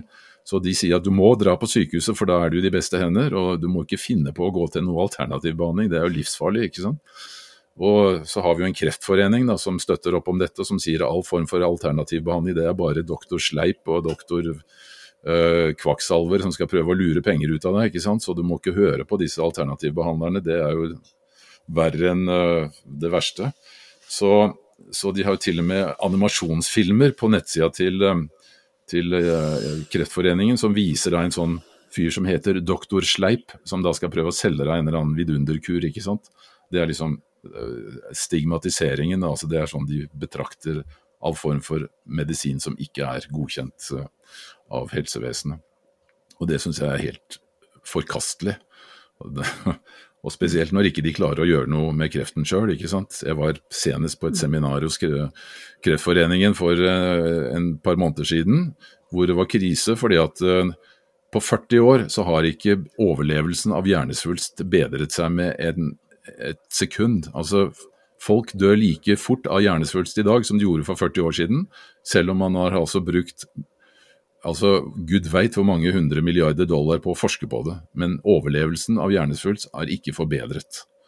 Og Allikevel så sier Kreftforeningen at ja, vi må fortsette å forske på samme områder. ikke sant? Vi må bare ha mer penger, mer penger, mer penger men de aner ikke hvordan de skal klare å, å håndtere hjernesvulst.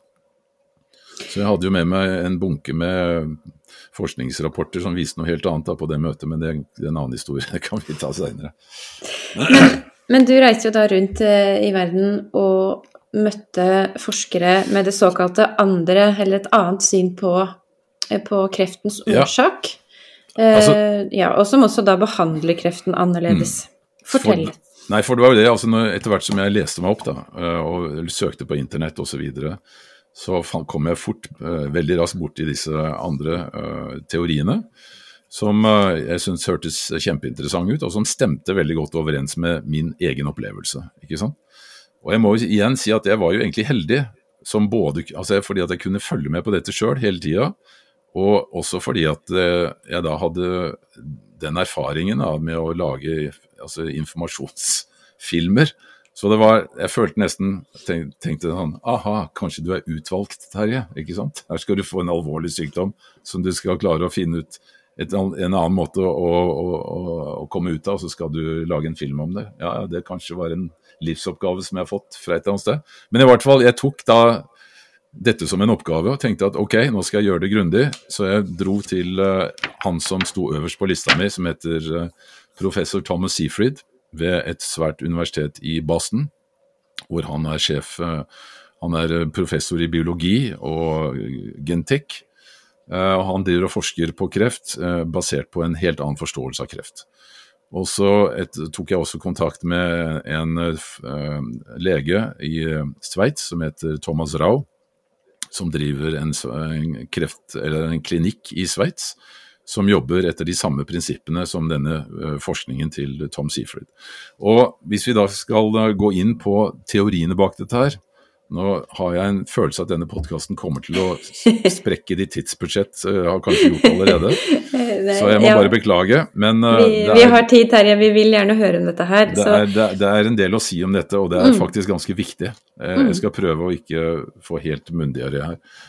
Men uh, uh, greia er det, er det at for 100 år siden Altså Kreft har jo det må jeg si aller først, kreft har jo akselerert noe voldsomt uh, i etter hvert som uh, skal vi si, vårt moderne industrialiserte samfunn har uh, utviklet seg. Og Hvis vi går 100 år tilbake, så var det 1 av 20 som fikk kreft. Mm. Hvis vi går 50 år tilbake, så var det 1 av 10. I dag er det 1 av 3 som får kreft før fylte 75 år. Ok, de som driver og jobber med kreft, de sier at ja, ja, men eh, det skyldes nok ikke bare det at eh, det, det, det skyldes selvfølgelig at folk er blitt eldre. Ja, det er riktig. Det skyldes selvfølgelig det at vi er blitt flinkere til å diagnostisere. Ja, det er også riktig. Men allikevel så er det bare en bitte liten prosentandel i forhold til den enorme veksten som har vært. ikke sant?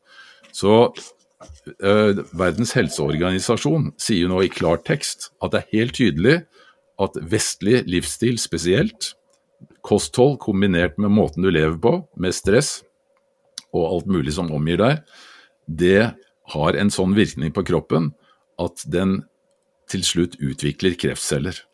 Og det skal jeg fortelle hvorfor. Eh, sånn at det er helt opplagt at eh, det er det vestlige livsstilen som er årsaken til at dette akselererer. Eh, og da øh, tenkte jeg da må vi jo finne ut hvorfor dette skjer, da. Og For å gå da 100 år tilbake, så er det en, en tysk uh, lege som heter Otto Warburg. Uh, han var sønn av en professor på et universitet i Tyskland. Uh, og han hadde en han, Dette her var altså mens det første verdenskrig pågikk, så var han sendt ut i krigen og satt nede i en skyttergrav mens han egentlig burde hørt hjemme i et laboratorium, for han var ganske hadde allerede markert seg som ung mann som ganske glup. Han hadde en venn som het eh, Albert Einstein. Og Albert Einstein klarte da å skrive et brev til, hans, eh, til militæret i Tyskland, hans kommandør, og si at denne mannen han må ut av den skyttergrava og tilbake på laboratoriet, for han har en stor fremtid. Og så klarte han å få et, Otto Warburg ut av skyttergraven og inn på laben.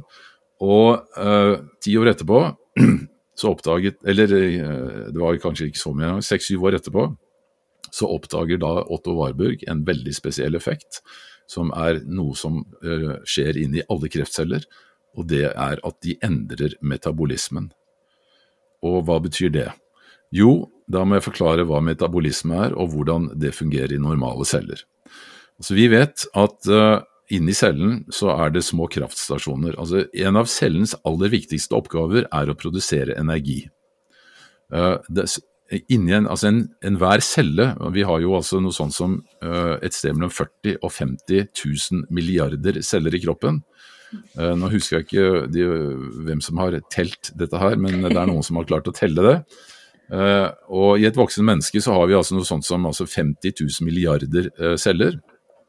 Hver av disse cellene har eh, helt konkrete, separerte, separate oppgaver, men felles for alle cellene er at de er som en liten kjemisk fabrikk. De har mange organer inni seg, akkurat som vi har organer i kroppen, så har cellene organer inni seg. og en av de organene er den, det organet som produserer energien, altså kraftstasjonen som ikke bare driver cellen, men som driver hele kroppen. Da. Ikke sant? Og disse, eh, og, og disse kraftstasjonene kalles for mitokondrier. Og de har vi fra et par hundre til et par tusen av i hver celle. Så de eh, klarer da å produsere en slags kraftvaluta, altså et, et molekyl som brukes av alle disse forskjellige organene inni cellen til å utføre cellens forskjellige oppgaver. Og For å produsere det molekylet så er det en veldig spesiell sånn elektrokjemisk eh, prosess som er ganske komplisert. Men uh, det uh, skal vi si, drivstoffet da, i denne kraftproduksjonen, det er oksygen og glukose, altså sukkermolekyler, i hovedsak eh, oksygen og sukkermolekyler det går inn i en sånn elektrokjemisk forbrenningsprosess. Men du kan også bruke fettsyre, fett eller fettsyre, uh, fettsyrer, og du kan også bruke protein. At både glukose, fett og protein kan uh, brukes til å produsere dette. Du kan også i nødstilfelle bruke noe som heter glutamin, som er en aminosyre. Så alt dette Altså Alt dette er, er, ved som du putter inn i ovnen, da, for å si det enkelt. Og så forbrenner det, og ut så kommer det da et, et uh, molekyl som uh, er stappa med energi, og som brukes av de forskjellige cellene. Det som Otto Warburg oppdaget, er at denne spesielle forbrenningsprosessen med oksygen som hoveddrivstoff, den fungerte ikke i kreftceller. Fordi at alle disse mitokondriene Nå visste ikke han at det var mitokondrier på den tiden, for han hadde ikke så sterke mikroskop. Du er nødt til å ha elektronmikroskop for å kunne se dem. Men han, det han så, var at istedenfor å bruke oksygen til å lage energi, så brukte cellene noe annet. Og det var at de fermenterte sukkeret. Istedenfor for å forbrenne sukkeret med oksygen, så gikk sukkeret inn i en gjæringsprosess. Og i den gjæringsprosessen så ble det produsert at, altså disse uh, energimolekylene som da kalles ATP på fagspråket, som står for et langt, forferdelig latinsk navn som jeg ikke skal prøve meg på. Men uh, denne prosessen, da, ved at kreftcellene hadde endret altså forbrenningen, da, som er denne metabolismen, det var tydelig i alle kreftceller. Eh, og han kunne se det fordi at avfallsstoffet fra en vanlig forbrenningsprosess, det er altså eh, CO2, som vi vet, ikke sant, og vann. Altså når vi forbrenner eh, i, i cellene våre, altså oksygen inn og CO2 ut, pluss vann, ikke sant. Mens i, um, i kreftceller så var altså avfallsstoffet eh, melkesyre, som er en ganske giftig syre. Og så viser det seg at eh, vi har altså den, alle celler har den evnen til å kunne produsere energi også på denne måten. Og den bruker vi faktisk også i eh, dagliglivet, spesielt hvis du må anstrenge deg veldig. Så kjenner du til slutt at syra kommer, ikke sant. Altså Hvis du f.eks. Du har sett disse her når de har sånne mesterskap på TV med 'Mesternes mester' osv. Så, videre, så skal du lene, gå ned i sånn sittestilling og lene deg inn til en vegg. Og så skal du se hvor lenge du klarer å stå ikke sant, før du faller sammen. Og da, etter en stund, så begynner syra å komme i beina. Eller som alle skiløperne sier, at det, på slutten av femmila så kom syra. ikke sant? Sånn at når du trenger mer energi enn det mitokondriene klarer å produsere, så trer denne ekstra, dette ekstragiret inn, som er et slags nødaggregat, eller et sånt hjelpeaggregat, som også da gjør at sukker kan fermenteres og uh, gå inn i en sånn fermenteringsprosess og produsere disse molekylene. Så da må cellene åpne alle slusene og ta inn enda mer sukker fra blodet. ikke sant? Så hvis du har da nok sukker i blodet, så kan du få et ekstra gir med denne der. Men altså i kreftcellene så er det bare det ekstra giret, altså det nødaggregatet, som funker. Uh, mitokondriene funker ikke fordi de er ødelagt. Og Det så man jo da etter hvert som man fikk sånne elektronmikroskoper på, ut på 50-tallet. Så kunne man se disse her mitokondriene. Og Da kunne du se at i kreftceller så var de helt deformert. Altså Mitokondrier ser ut som en sånn liten uh, Nesten som en sånn ostepop, hvis du kan tenke deg det. Mm. Med masse sånne membraner inni. Hvis du deler den på tvers, så ser jeg at det er masse sånn membraner nesten som altså, båser i en, et kufjøs inni den der ostepopen. Uh, og det er som, som, sagt det er flere hundre eller noen tusen av de inni hver celle, så de er ekstremt små. Men alle disse membranene da inni, inni mitokondriene de var, uh, de var brutt ned, ødelagt. Og uh, overflaten på mitokondriene var, var brutt sammen. Så de funka ikke lenger. De kunne ikke lage energi. Og hva var årsaken til det, da? Jo, årsaken var at miljøet inni cellen var blitt så giftig at det hadde tatt liv av disse her mitokondriene. Fordi mitokondriene er en egen levende enhet. Mitokondriene har sitt eget DNA. De, opplever, altså de, de lever faktisk som en bakterie inni cellen. Og sannsynligvis så var de også en bakterie en gang, som har slått seg sammen med en celle. Eh, men mitokondriene lever nesten som en slags mikroorganisme inni cellene dine, som har én en eneste oppgave. Det er altså, de har flere oppgaver, da, men en hovedoppgaven er å produsere energi. En annen oppgave som disse mitokondriene har, er å regulere uh, celletakten på celledelingen. Sånn at det er de som forteller cellene hvor uh, fort de skal dele seg. For alle celler deler seg jo, ikke sant. Uh, og de deler seg hele tiden. Vi bytter jo ut mange millioner celler i sekundet, faktisk. Eh, og i løpet av noen år så har du bytta ut alle cellene i kroppen din, sånn at den kroppen du hadde for ti år siden, fysisk sett, den eksisterer ikke lenger. Kanskje bare noen enkelte få nærmeceller er igjen, mens resten er jo helt Det fornyer seg hele tiden. Man skulle ikke tro det når du ser på alle rynkene som jeg har i fått i panna, men uh, det er en annen sak. Det er noen, noen, som forteller at de nye cellene de skal, de skal fortsette uh, å være en rynke. Eh, men i hvert fall, eh, cellene deler seg hele tiden, og det er mitokondriene som styrer denne eh, informasjonen som forteller hvor fort de skal dele seg. Og når en celle har delt seg et visst antall ganger, 60, 70, 80, 100 ganger, så skal den ta livet av seg selv, for da er den blitt så skal vi si, oppbrukt og sliten at den må begå selvmord. Og det bestemmer også mitokondriene. Det som skjer da inni kreftcellen, er at når mitokondriene er ødelagt, så kan de for det første ikke produsere energi, for det andre så kan de ikke styre celledelingshastigheten lenger. Eller det vil si, det siste de gjør da før de dauer, er at de ber cellene å begynne å dele seg fortere for at den skal overleve i det sure miljøet. Og så har de mistet evnen til å sende signal om at cellen skal ta livet av seg selv. Så kreftceller har altså en annen energiomsetning. De er helt avhengig av sukker. Derfor har de åpna slusene og tar inn maksimalt med sukker. Og de deler seg mye fortere, og de dør ikke. Det karakteriserer en kreftcelle. Ok. Og da sier uh, Thomas uh, Seafried hvordan skal vi da behandle dette? Uh, ok, vi kan selvfølgelig gå inn og skjære bort den kreftcellen. Vi kan, vi kan prøve å forgifte den. Vi kan prøve å stråle den, slik at vi bombarderer den omtrent som vi skyter på soldater med en laserpistol. Eller vi kan prøve å få immuncellene til å bli enda mer aggressive, sånn at de kan spise den opp. ikke sant? Så sier han at men det er en måte til. Kanskje vi skal prøve å fjerne drivstoffet til kreftcellen. Akkurat som vi klipper uh, forbindelsen mellom bensintanken og forgasseren på en bensinmotor. Da stopper motoren ganske fort. Så han sier at hvis vi, hvis vi fjerner det som er det viktigste drivstoffet til kreftcellen, så skjer to ting. For det første så blir kreftcellen veldig svekket veldig fort. Uh, og det andre er at uh, de tingene, altså de naturlige uh, altså immuncellene som skal ta disse kreftcellene, får da en mye større sjanse til å ta den svekkede kreftcellen. Og hvis du da er i vanlig kreftbehandling med stråling eller cellegift, så vil det også få mye større effekt. Eller vil si, du kan faktisk bruke mildere utgaver av både cellegift og stråling for å drepe kreftceller som det er helt sånn bare sjangler rundt og, og nesten ikke klarer å leve. ikke sant?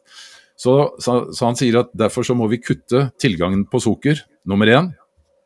Uh, og når vi da går i ketose, sånn at vi ikke tar inn mer sukker, og vi får et maksimalt lavt blodsukker, altså noe blodsukker må du ha, men du kan klare når du lever på ketoner, da, som er det du får ut av fett, så uh, kan du faktisk ha et blodsukker som er enda lavere enn det som er normalt, og klare deg helt fint. Men, uh, så, men litt sukker må du ha i blodet, men det er likevel så lite at du på en måte struper disse kreftcellene. I tillegg så må du også da blokkere tilgangen til dette siste mulige stoffet som heter glutamin, som også da kreftcellen kan bruke noe. Så hvis du klarer å blokkere inngang til glutamin, det kan du gjøre da ved hjelp av et, eh, noen enkle legemidler, og så går du i ketose, så vil du da svekke kreftcellene så kraftig at de enten dør eller blir så svake at det er mye lettere å ta dem med andre midler, og ikke minst da immunsystemet. Så og dette er en metode som Seafried kaller uh, medisinsk uh, nei, han ketose? Det, ja, så, ja, det kan du godt si. Og han ja. sier at dette er altså det, det som han kaller for altså, metabolsk kreftbehandling. Mm. Og han sier at vi har nå forsket på dette altså i, nest, i nesten 30 år. Uh, vi vet hvordan dette fungerer. Mm. Uh, uh, det var først altså de siste for ti år siden at de fant dette her med glutamin, som også da denne kreftcellen kunne bruke i nødaggregatet. Sånn at nå har vi altså funnet effektive måter å blokkere det på. Så han sier at vi har altså klart å finne en måte å kurere de fleste kreftceller på ved at vi kan drepe eller fjerne kreftceller, samtidig som vi også da ved hjelp av biologisk medisin kan fjerne årsaken ved at vi renser ut uh, kreft, altså cellemiljøet, altså får tilbake et friskt cellemiljø og får, får, ut alle giftstoffene som i utgangspunktet ødela alle mitokondriene. ikke sant? Og når vi danner nye celler Og så sier jo Seafried noe annet spennende og ja. Ja, ja. ja kom igjen. Nei, eh, Nei, eh, Seafried sier også noe annet spennende i forhold til det at kreft er kreft, på en måte. Han skiller ikke mellom brystkreft eh, Ja, altså han sier at det er jo det er jo, altså Når du ser kreft på denne måten, så skjønner mm. du at det, alle kreftceller har én ting til felles. Uansett mm. om det er som du sier brystkreft eller hjernesvulst eller hva pokker, liksom. Mm. Så er all kreft er kreft. Eh, det er bare avhengig av hvor i kroppen du har det, hvor vi har gitt det forskjellige navn. Så han sier i, altså, i bunn og grunn så er det det samme prinsippet. Og, Som igjen betyr at behandlingen egentlig er det samme prinsippet òg, ja. uansett hvor i kroppen kreften sitter. Ja. Og så, mm. så må vi da forklare altså uh, Så dette kalles den metabolske kreftforståelsen. Mm. Og dette er da i sterk kontrast til den andre forståelsen som all eh, form for uh, skal vi si, godkjent kreftbehandling er basert på. Det er det, altså det vi kaller for den uh, genetiske kreftteorien, eller også den somatiske kreftteorien. Og den sier følgende at kreft ofte oppstår fordi at du får mutasjoner i genene. Altså, Vi vet at når celler deler seg, så har altså Alle har jo sett den der DNA-spiralen, ikke sant? Som da ligger inni kromosomene. Altså, vi har jo øh, vi, et, øh, vi har masse kromosompar 23, eh, er det ikke det? Ja. Men i hvert fall, alle kromosomene skal dele seg, og inni der ligger denne spiralen. Sånn at arvestoffet skal i prinsippet dele seg i to. Og det er også en utrolig kompleks og komplisert mikrobiologisk prosess. Og så sier de at av og til så er det da uh, skjer en feil. For vi har jo til sammen altså 23 000 gener, aktive gener i kroppen i, i, i, uh, i hver cellekjerne. Og når de skal dele seg, så kan det skje da at noen gener får en feil stilling eller blir koblet på der hvor det ikke skulle Altså det, det kan skje en feil der. Og da sier de at disse cellene som da får en genfeil, de kan da komme ut av kontroll og begynne å leve sitt eget liv og bli til kreftceller. Så det er det som har vært liksom Og dette skjedde jo da man oppdaget DNA-spiralen på 50-tallet. Og disse to forskerne, Francis Crick og James Watson, som var de første, jeg tror det var ja, midt på 50-tallet, som først klarte å, å, se hvordan denne eh, DNA-spiralen var. Og det ble jo et kjempe Altså et av de største kvantesprang innen medisinen, når vi plutselig kunne begynne å analysere genene, ikke sant.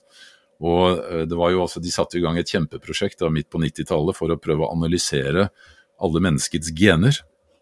Uh, og For det første så trodde vi at vi måtte i hvert fall ha 100 000 gener. Uh, fordi at vi var jo det mest avanserte vesenet på denne planeten. Uh, men man oppdaget at vi hadde altså kanskje et sted rundt 23 000 gener.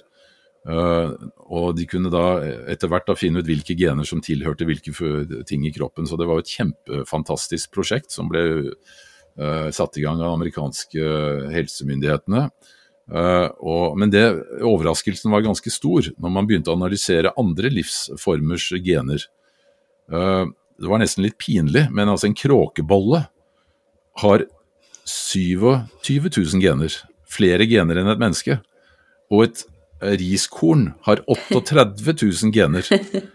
Eh, hvordan i all verden skulle man forstå dette her, da? man kan vel ikke trekke den slutningen at kråkeboller er mer avanserte enn mennesker. Eh, det man skjønte etter hvert, var at uh, det var ikke antallet gener som var uh, det viktige, men det var måten disse genene ble avlest på. Og det var jo en som sa til meg at du kan jo egentlig sammenligne genene med tangentene på et piano. Altså vi har, 8, vi har 88 tangenter på et stort piano, men på det pianoet så kan vi spille all verdens musikk på de 88 tangentene, ikke sant. Altså det er helt uendelig uh, mange variasjonsmuligheter når du spiller på de samme greiene. Helt avhengig av hvem som spiller, da. Det kommer an på musikeren.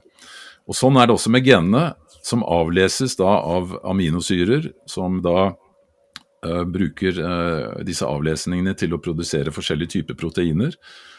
så kan de da lage nesten hva som helst ut av disse genene. ikke sant? Men da er jo spørsmålet hvem er det som sitter og er musikeren her, da? Hvem er det som spiller på det klaviaturet der? Eh, det er da en helt annen diskusjon, som vi gjerne kan komme tilbake til, men det er noe av det mest spennende, syns jeg, da. Hvem er det som egentlig sitter og spiller på genklaviaturet? Hva slags intelligens er det? Hva slags bevissthet er det? Det er det som bestemmer veldig mye av det som skjer inni kroppen vår.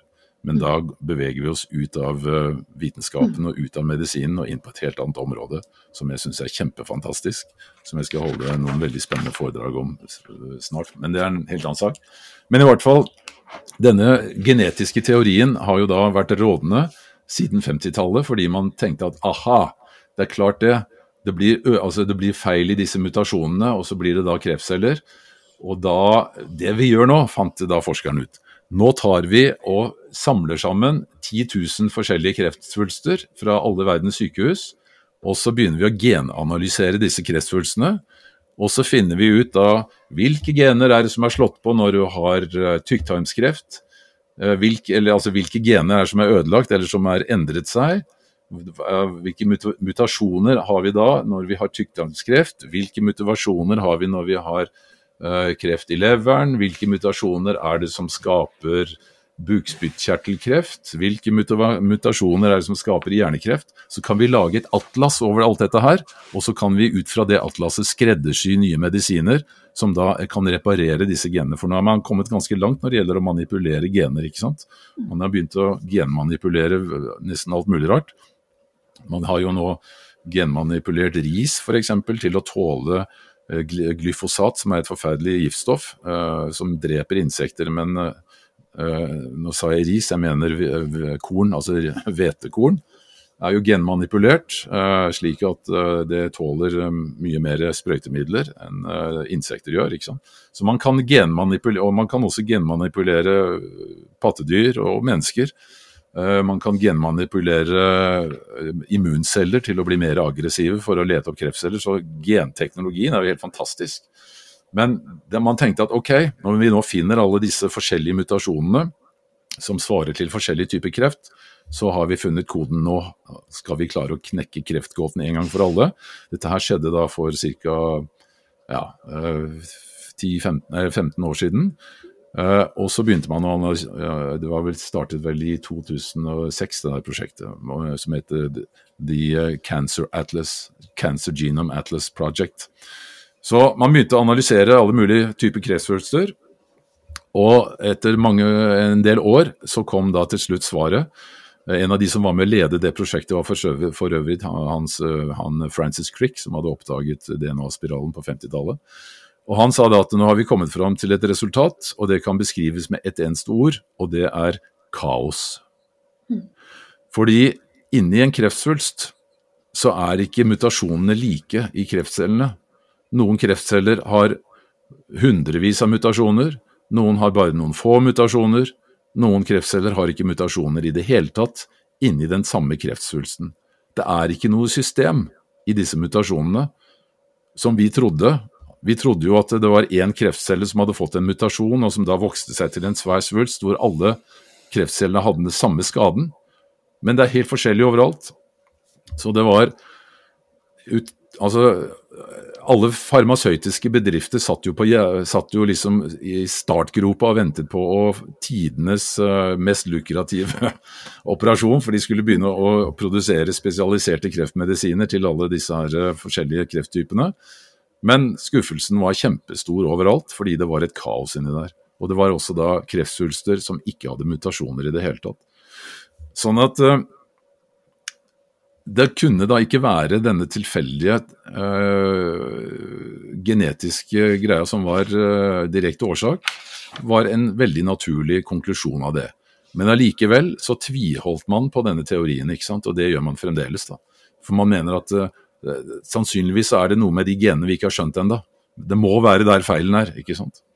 Men er ikke, det med å styrke, er ikke det egentlig med å styrke den metabolske teorien, da? At eh, det de fant var bare kaos, og er ikke det egentlig en Jo, altså i høyeste grad. Det er nettopp ja. det som Seafred sier, som han sier mm. at det er altså så Han sier forbanna, rett og slett. Jeg sitter her med, all, med forskningen som viser at det er ikke det er ikke tilfeldige mutasjoner som er årsaken til kreft. Mm. Til mutasjonene i kreftcellen er jo fordi at kreftcellene i utgangspunktet er Altså de mutasjonene er en sekundær eh, effekt. Fordi mitokondriene som styrer dette her, som styrer uh, mye av disse mutasjonene, og cellemiljøet som også styrer mye av dette. Altså, I dag så har vi en eh, vitenskap som heter epigenetikk.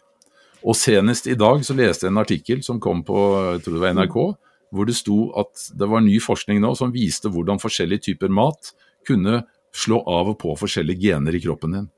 Mm. Sånn at miljøet inn i cellen, det er det som styrer mutasjonene eh, som skjer. Altså det er det som styrer av- og slå-påing av gener, ikke sant. Det er ikke tilfeldighetene som all kreftforskning er, har vært basert på i 70 år. Det er altså miljøet i cellen, og når miljøet blir toksisk nok, så Eh, er miljøet i seg selv nok til at det skaper mutasjoner, samtidig som mitokondriene også da bidrar til å skape disse mutasjonene.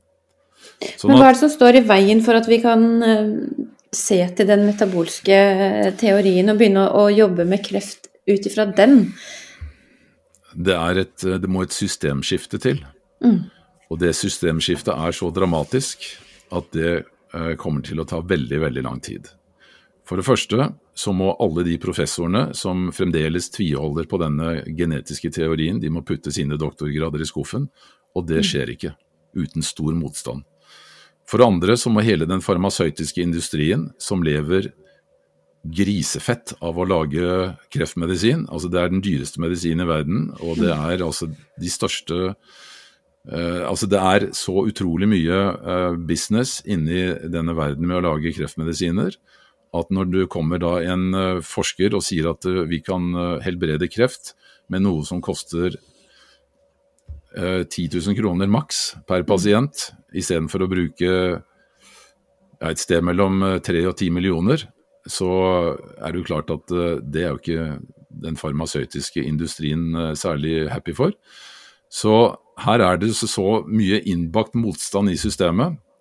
Og dessuten så vil jo de fleste onkologer som har da utdannet seg innenfor kreftmedisin, si at uh, disse teoriene til Seafred de er sannsynligvis for enkle. Altså Det er noe som heter at hvis noe er for godt til å være sant, så er det sannsynligvis det. Og derfor så, så Dette virker altfor enkelt, at man skal kunne helbrede kreft på denne måten her. Derfor sier Seafred Terje, du er et eksempel på at dette funka. Kan du gi meg 10 000, helst 100 000, helst en million eh, sånne eksempler til, så kanskje de endelig begynner å høre på meg. Mens so far, sier han, når jeg presenterer dette på konferanser, så blir jeg nesten kasta ut. Når jeg presenterer det for onkologer, så sier han at det, det, er akkurat det er som å snakke til veggen. Han sier på engelsk 'It's just like, like talking to a plug socket'. Altså det, de er like lydhøre som om de skulle vært et støpsel i veggen. ikke sant? Fordi det rokker også ved hele grunnvollen i all hele dette kreftregimet, som er altså noe av det største som fins innenfor vår moderne medisin. Mm. Og det er Altså øh, Det høres selvfølgelig helt øh, banalt ut at en, en fyr fra Asker som ikke har øh, studert medisin, kan sitte og si noe sånt. ikke sant? Men øh, nå hadde vi da, øh, på basis av det som nå skjer, ikke pga. meg, men på basis av denne forskningen til Tom Seafried, som nå selvfølgelig har spredd seg ut i verden med rakettfart. Det er mange sykehus, eh, spesielt private sykehus, nå har begynt å bruke disse metodene. Og de, altså, nå er det tusenvis av eksempler på at det funker. Thomas Rau har brukt disse metodene i 25 år, og han sier at det er, det er helt utrolig at ikke vi får mer oppmerksomhet. Så nå begynner dette å, å, bli mer og mer og mer av. Og jeg har jo bare sittet som en flue på veggen og fulgt dette her fra sidelinjen og rapportert om det, ikke sant. Men uh, vi, uh, jeg er med i en sånn forening som heter Kostreform. Uh, og vi var da så heldige at vi fikk både Thomas Seafried og Thomas Rau til å komme til Oslo i januar og hadde en, en svær konferanse med 400 tilhørere i Sandvika på Thon hotell, hvor de forklarte dette her i detalj. Og det var helt fantastisk, og folk satt jo bare og måpte, ikke sant. Og køen foran eh, standen til Thomas Rau tok jo ingen slutt, liksom, etterpå. Uh, og Thomas Seafried ble jo liksom uh, omringet av, som om han skulle vært en honningkrukke etterpå. Så folk stimlet til og ville høre mer om dette her, ikke sant. Og altså Dag William Polisinski, som driver Helsemagasinet, det bladet som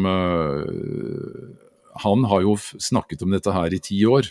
Han var den, Det var der jeg leste om Thomas Seafried faktisk første gang, i, i, i dette helsemagasinet. Uh, så han har jo prøvd å hevde dette i mange mange, mange år, men det var ingen som ville høre på han heller. ikke sant? Fordi han utfordrer et etablert regime som er veldig Altså, det er veldig uh, gjennomregulert og veldig vanskelig å endre på ting uh, over natten. Så Men altså, jeg lagde filmen, som nå er sett av titusener av folk i Norge. Jeg har ikke fått tid til å lage en engelsk versjon enda, men det ligger masse intervjuer med Thomas Seafried på nettet, hvor han forklarer disse tingene. Og jeg skrev også denne boka, uh, som jeg trodde faktisk ville Fordi at uh, det er jo også 35 000 mennesker hvert år som får kreft i Norge. En tredjepart av de kommer til å dø før det har gått to-tre år. Så jeg tenkte at den boka den må jo få beina å gå på.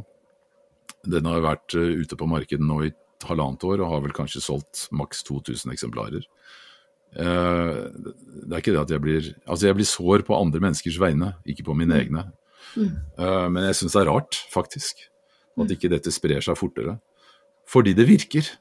Og altså Det som jeg har opplevd da, etter at jeg har kommet med filmen og boka, er at jeg, jeg får daglig uh, henvendelser fra folk, enten på telefon eller på Messenger eller på SMS, hei, Terje Toftnes. Uh, kjempespennende å høre det du har gjort. Jeg har et spørsmål. Kan jeg få telefonnummeret til den biopaten? Hjelp! Og jeg har sendt altså så mange mennesker til disse biopatene som da ikke har lov til å behandle kreft. De er jo selvfølgelig livredde for at noen skal komme og stoppe dem, de, men som de sier, de, det er lov. til å behandle syke mennesker og hjelpe dem med sin allmenntilstand. Men du kan jo ikke behandle selve sykdommen. Da. Men uh, det kommer som en bonus. Når du begynner å behandle kroppen, så kommer det som en bonus. ikke sant? Som det gjorde på meg. Han behandlet min kropp, han renset opp i mitt uh, Altså i kloakksystemet mitt, for å si det på i, Eller hva heter det for noe? Jo, altså lymfen uh, er et av de viktigste. Det er kloakksystemet i kroppen. Leveren er liksom skal vi si, kroppens renseanlegg nummer én når du får fiksa på det, så, så Fordi folk spør jo meg også Terje, hva spiser du nå? da Driver du fremdeles og spiser grønnsakssuppe? Jeg sier nei.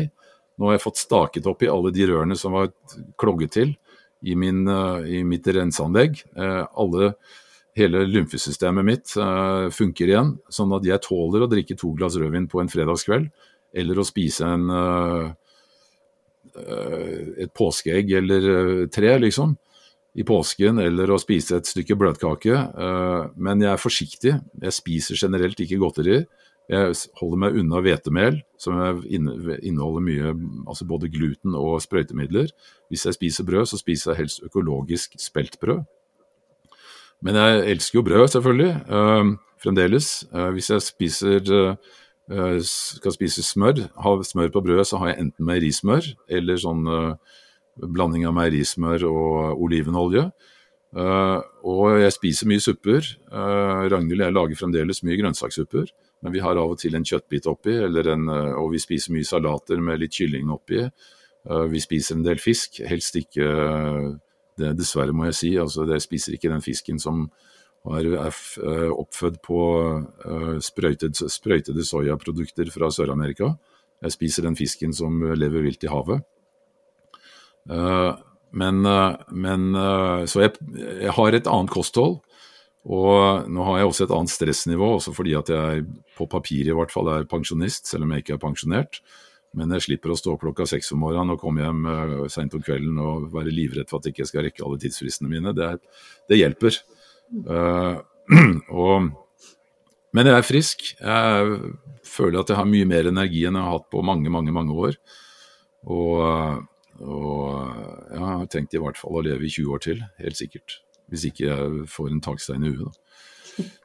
Um, ja, nei, nå har jeg snakka meg litt ut på viddene her, men um, i hvert fall, altså denne andre måten å forstå kreft på, denne metabolske forståelsen, den vinner uh, terreng.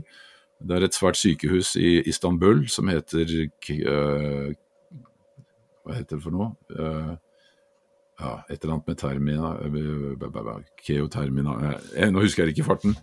Eh, de behandler kreft med, ut fra disse metodene, hvor de bruker da metabolske eh, kreftbehandlingsmetoder. Altså jeg kan si at eh, den, altså, Metabolsk kreftbehandling består for det første at du går i ketose.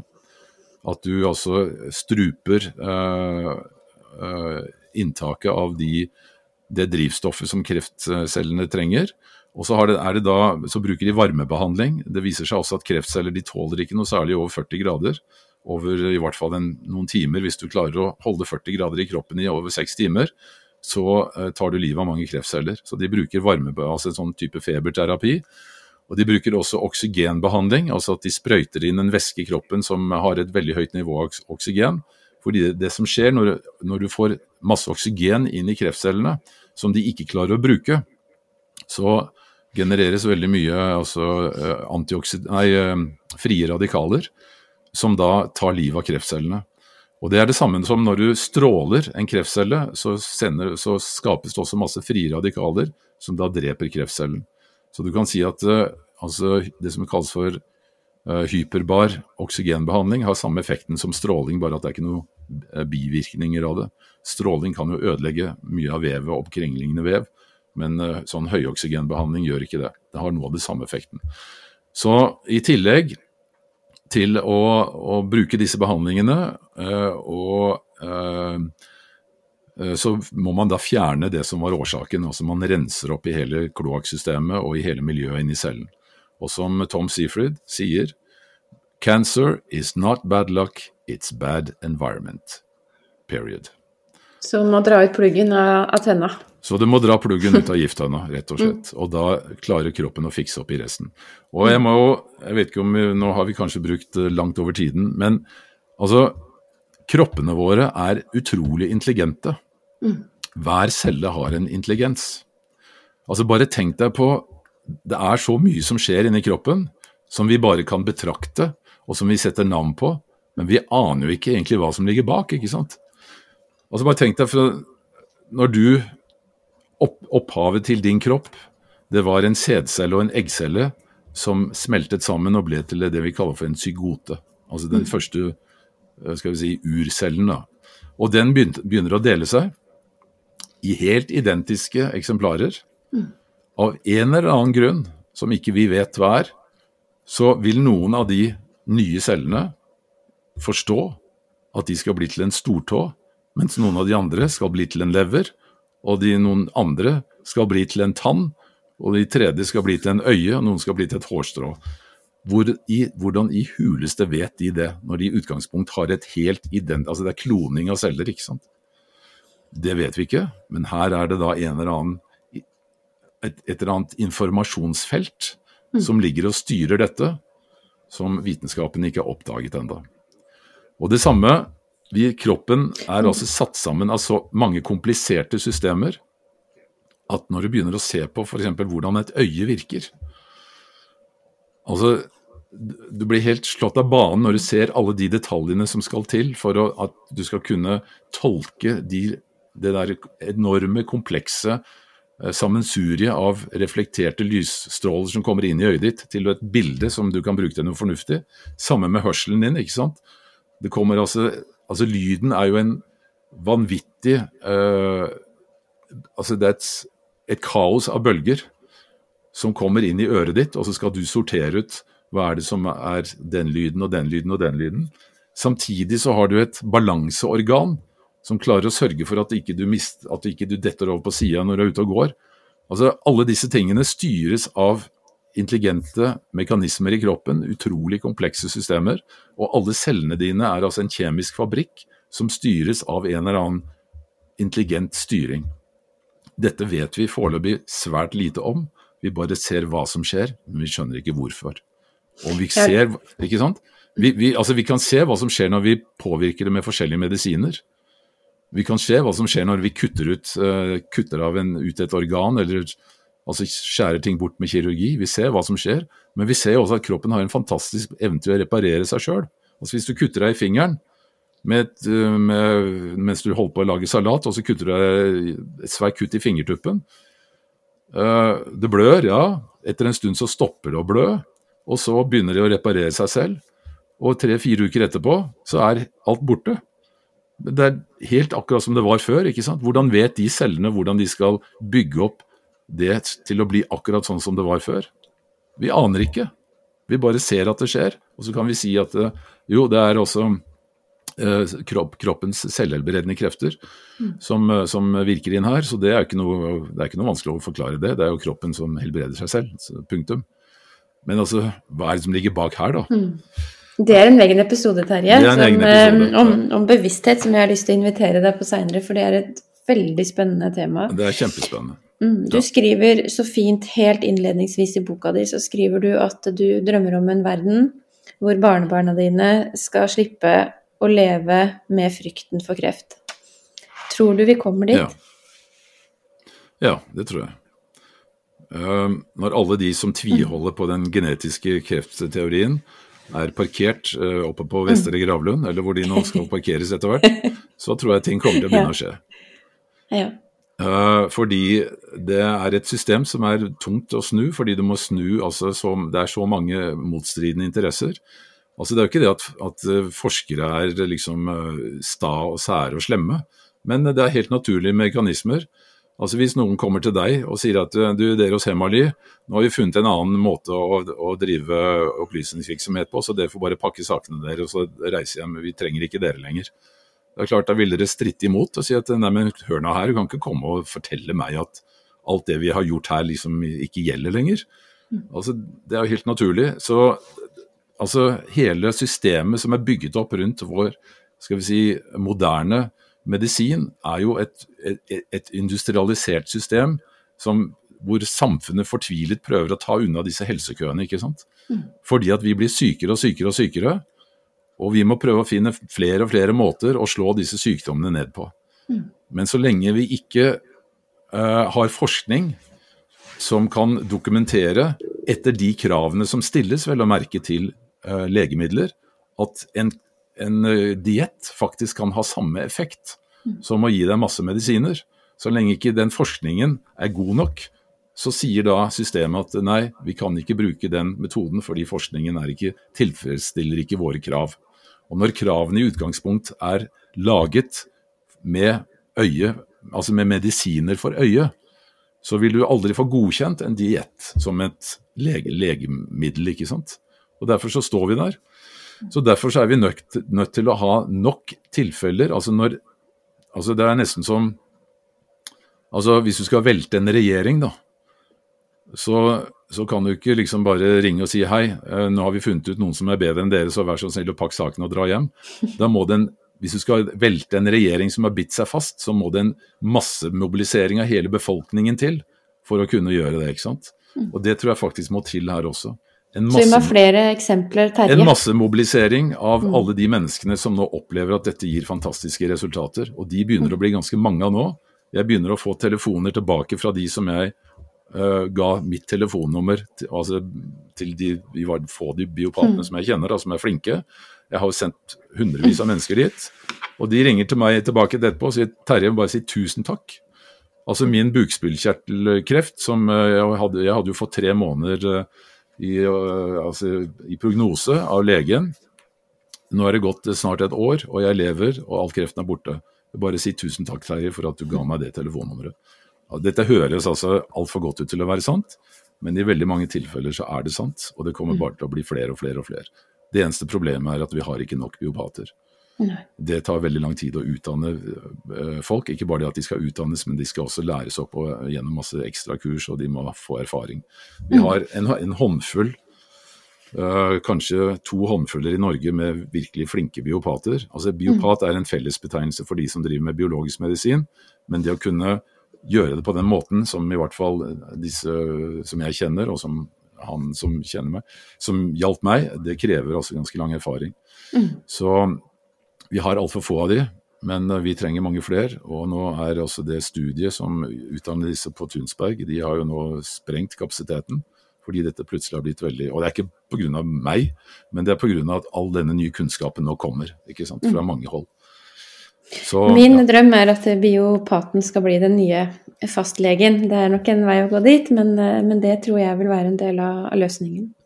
Terje, vi har snakka lenge, eh, og, alle, og det har vært eh, veldig, veldig hyggelig og lærerikt. Alle våre gjester får samme spørsmål helt avslutningsvis, og hvis du med noen få setninger kan svare på hva det viktigste grepet du gjør for helsa di i dag. Og vi har jo i grunn snakka veldig mye om helsegrep, men er det noe du gjør akkurat nå som, eh, som du vil eh, trekke fram? Vet du hva, det viktigste grepet du kan gjøre for helsa di, det er å bestemme deg for at jeg skal være, fortsette å være frisk. Hm. Fordi vi har noe som heter placeboeffekt. Ja. Altså, øh, selv om du spiser verdens beste mat, og du trener og ikke stresser, hvis du allikevel uh, har et, et, dårlig selvbilde, en, uh, en, dårlig tro på at Eller å gå rundt og er livredd for at du kommer til å bli syk, så vil det ha veldig mye å si for helsa di. Og det som gjør at jeg sitter her nå i dag, det er at det gikk en faen i meg, rett og slett, for å si det på godt norsk. Og jeg sa til meg sjøl Terje, ja. jeg skal bli frisk, og jeg skal bli helt frisk. Uh, og det var en av hovedårsakene til at jeg klarte det, fordi jeg da mobiliserte alt det jeg hadde av placeboeffekt, og jeg fortalte alle cellene i kroppen min at hør nå her, nå skal vi få bli kvitt alt det møkka skal ut, og vi skal bli friske sammen, og det skal vi få til sammen. Og det er noe av det viktigste, altså det der å, å mobilisere sin egen indre kraft. Mm. Alt det andre er, kommer i neste rekke. Det er veldig viktig, alt det andre også. Men hvis du går inn i en kronisk sykdom og sier til deg selv at jeg kommer aldri til å bli frisk av dette her, jeg skal bare prøve å leve litt til, mm. da kommer du aldri til å bli frisk heller. Terje Toftenes, tusen takk for at du ville være gjest på Hemmalipoden. Takk for at jeg fikk lov til å bruke så mye av din tid og deres tid, og at de som kanskje klarer å høre på dette helt til slutt, også har fulgt med. Tusen takk til dere alle sammen.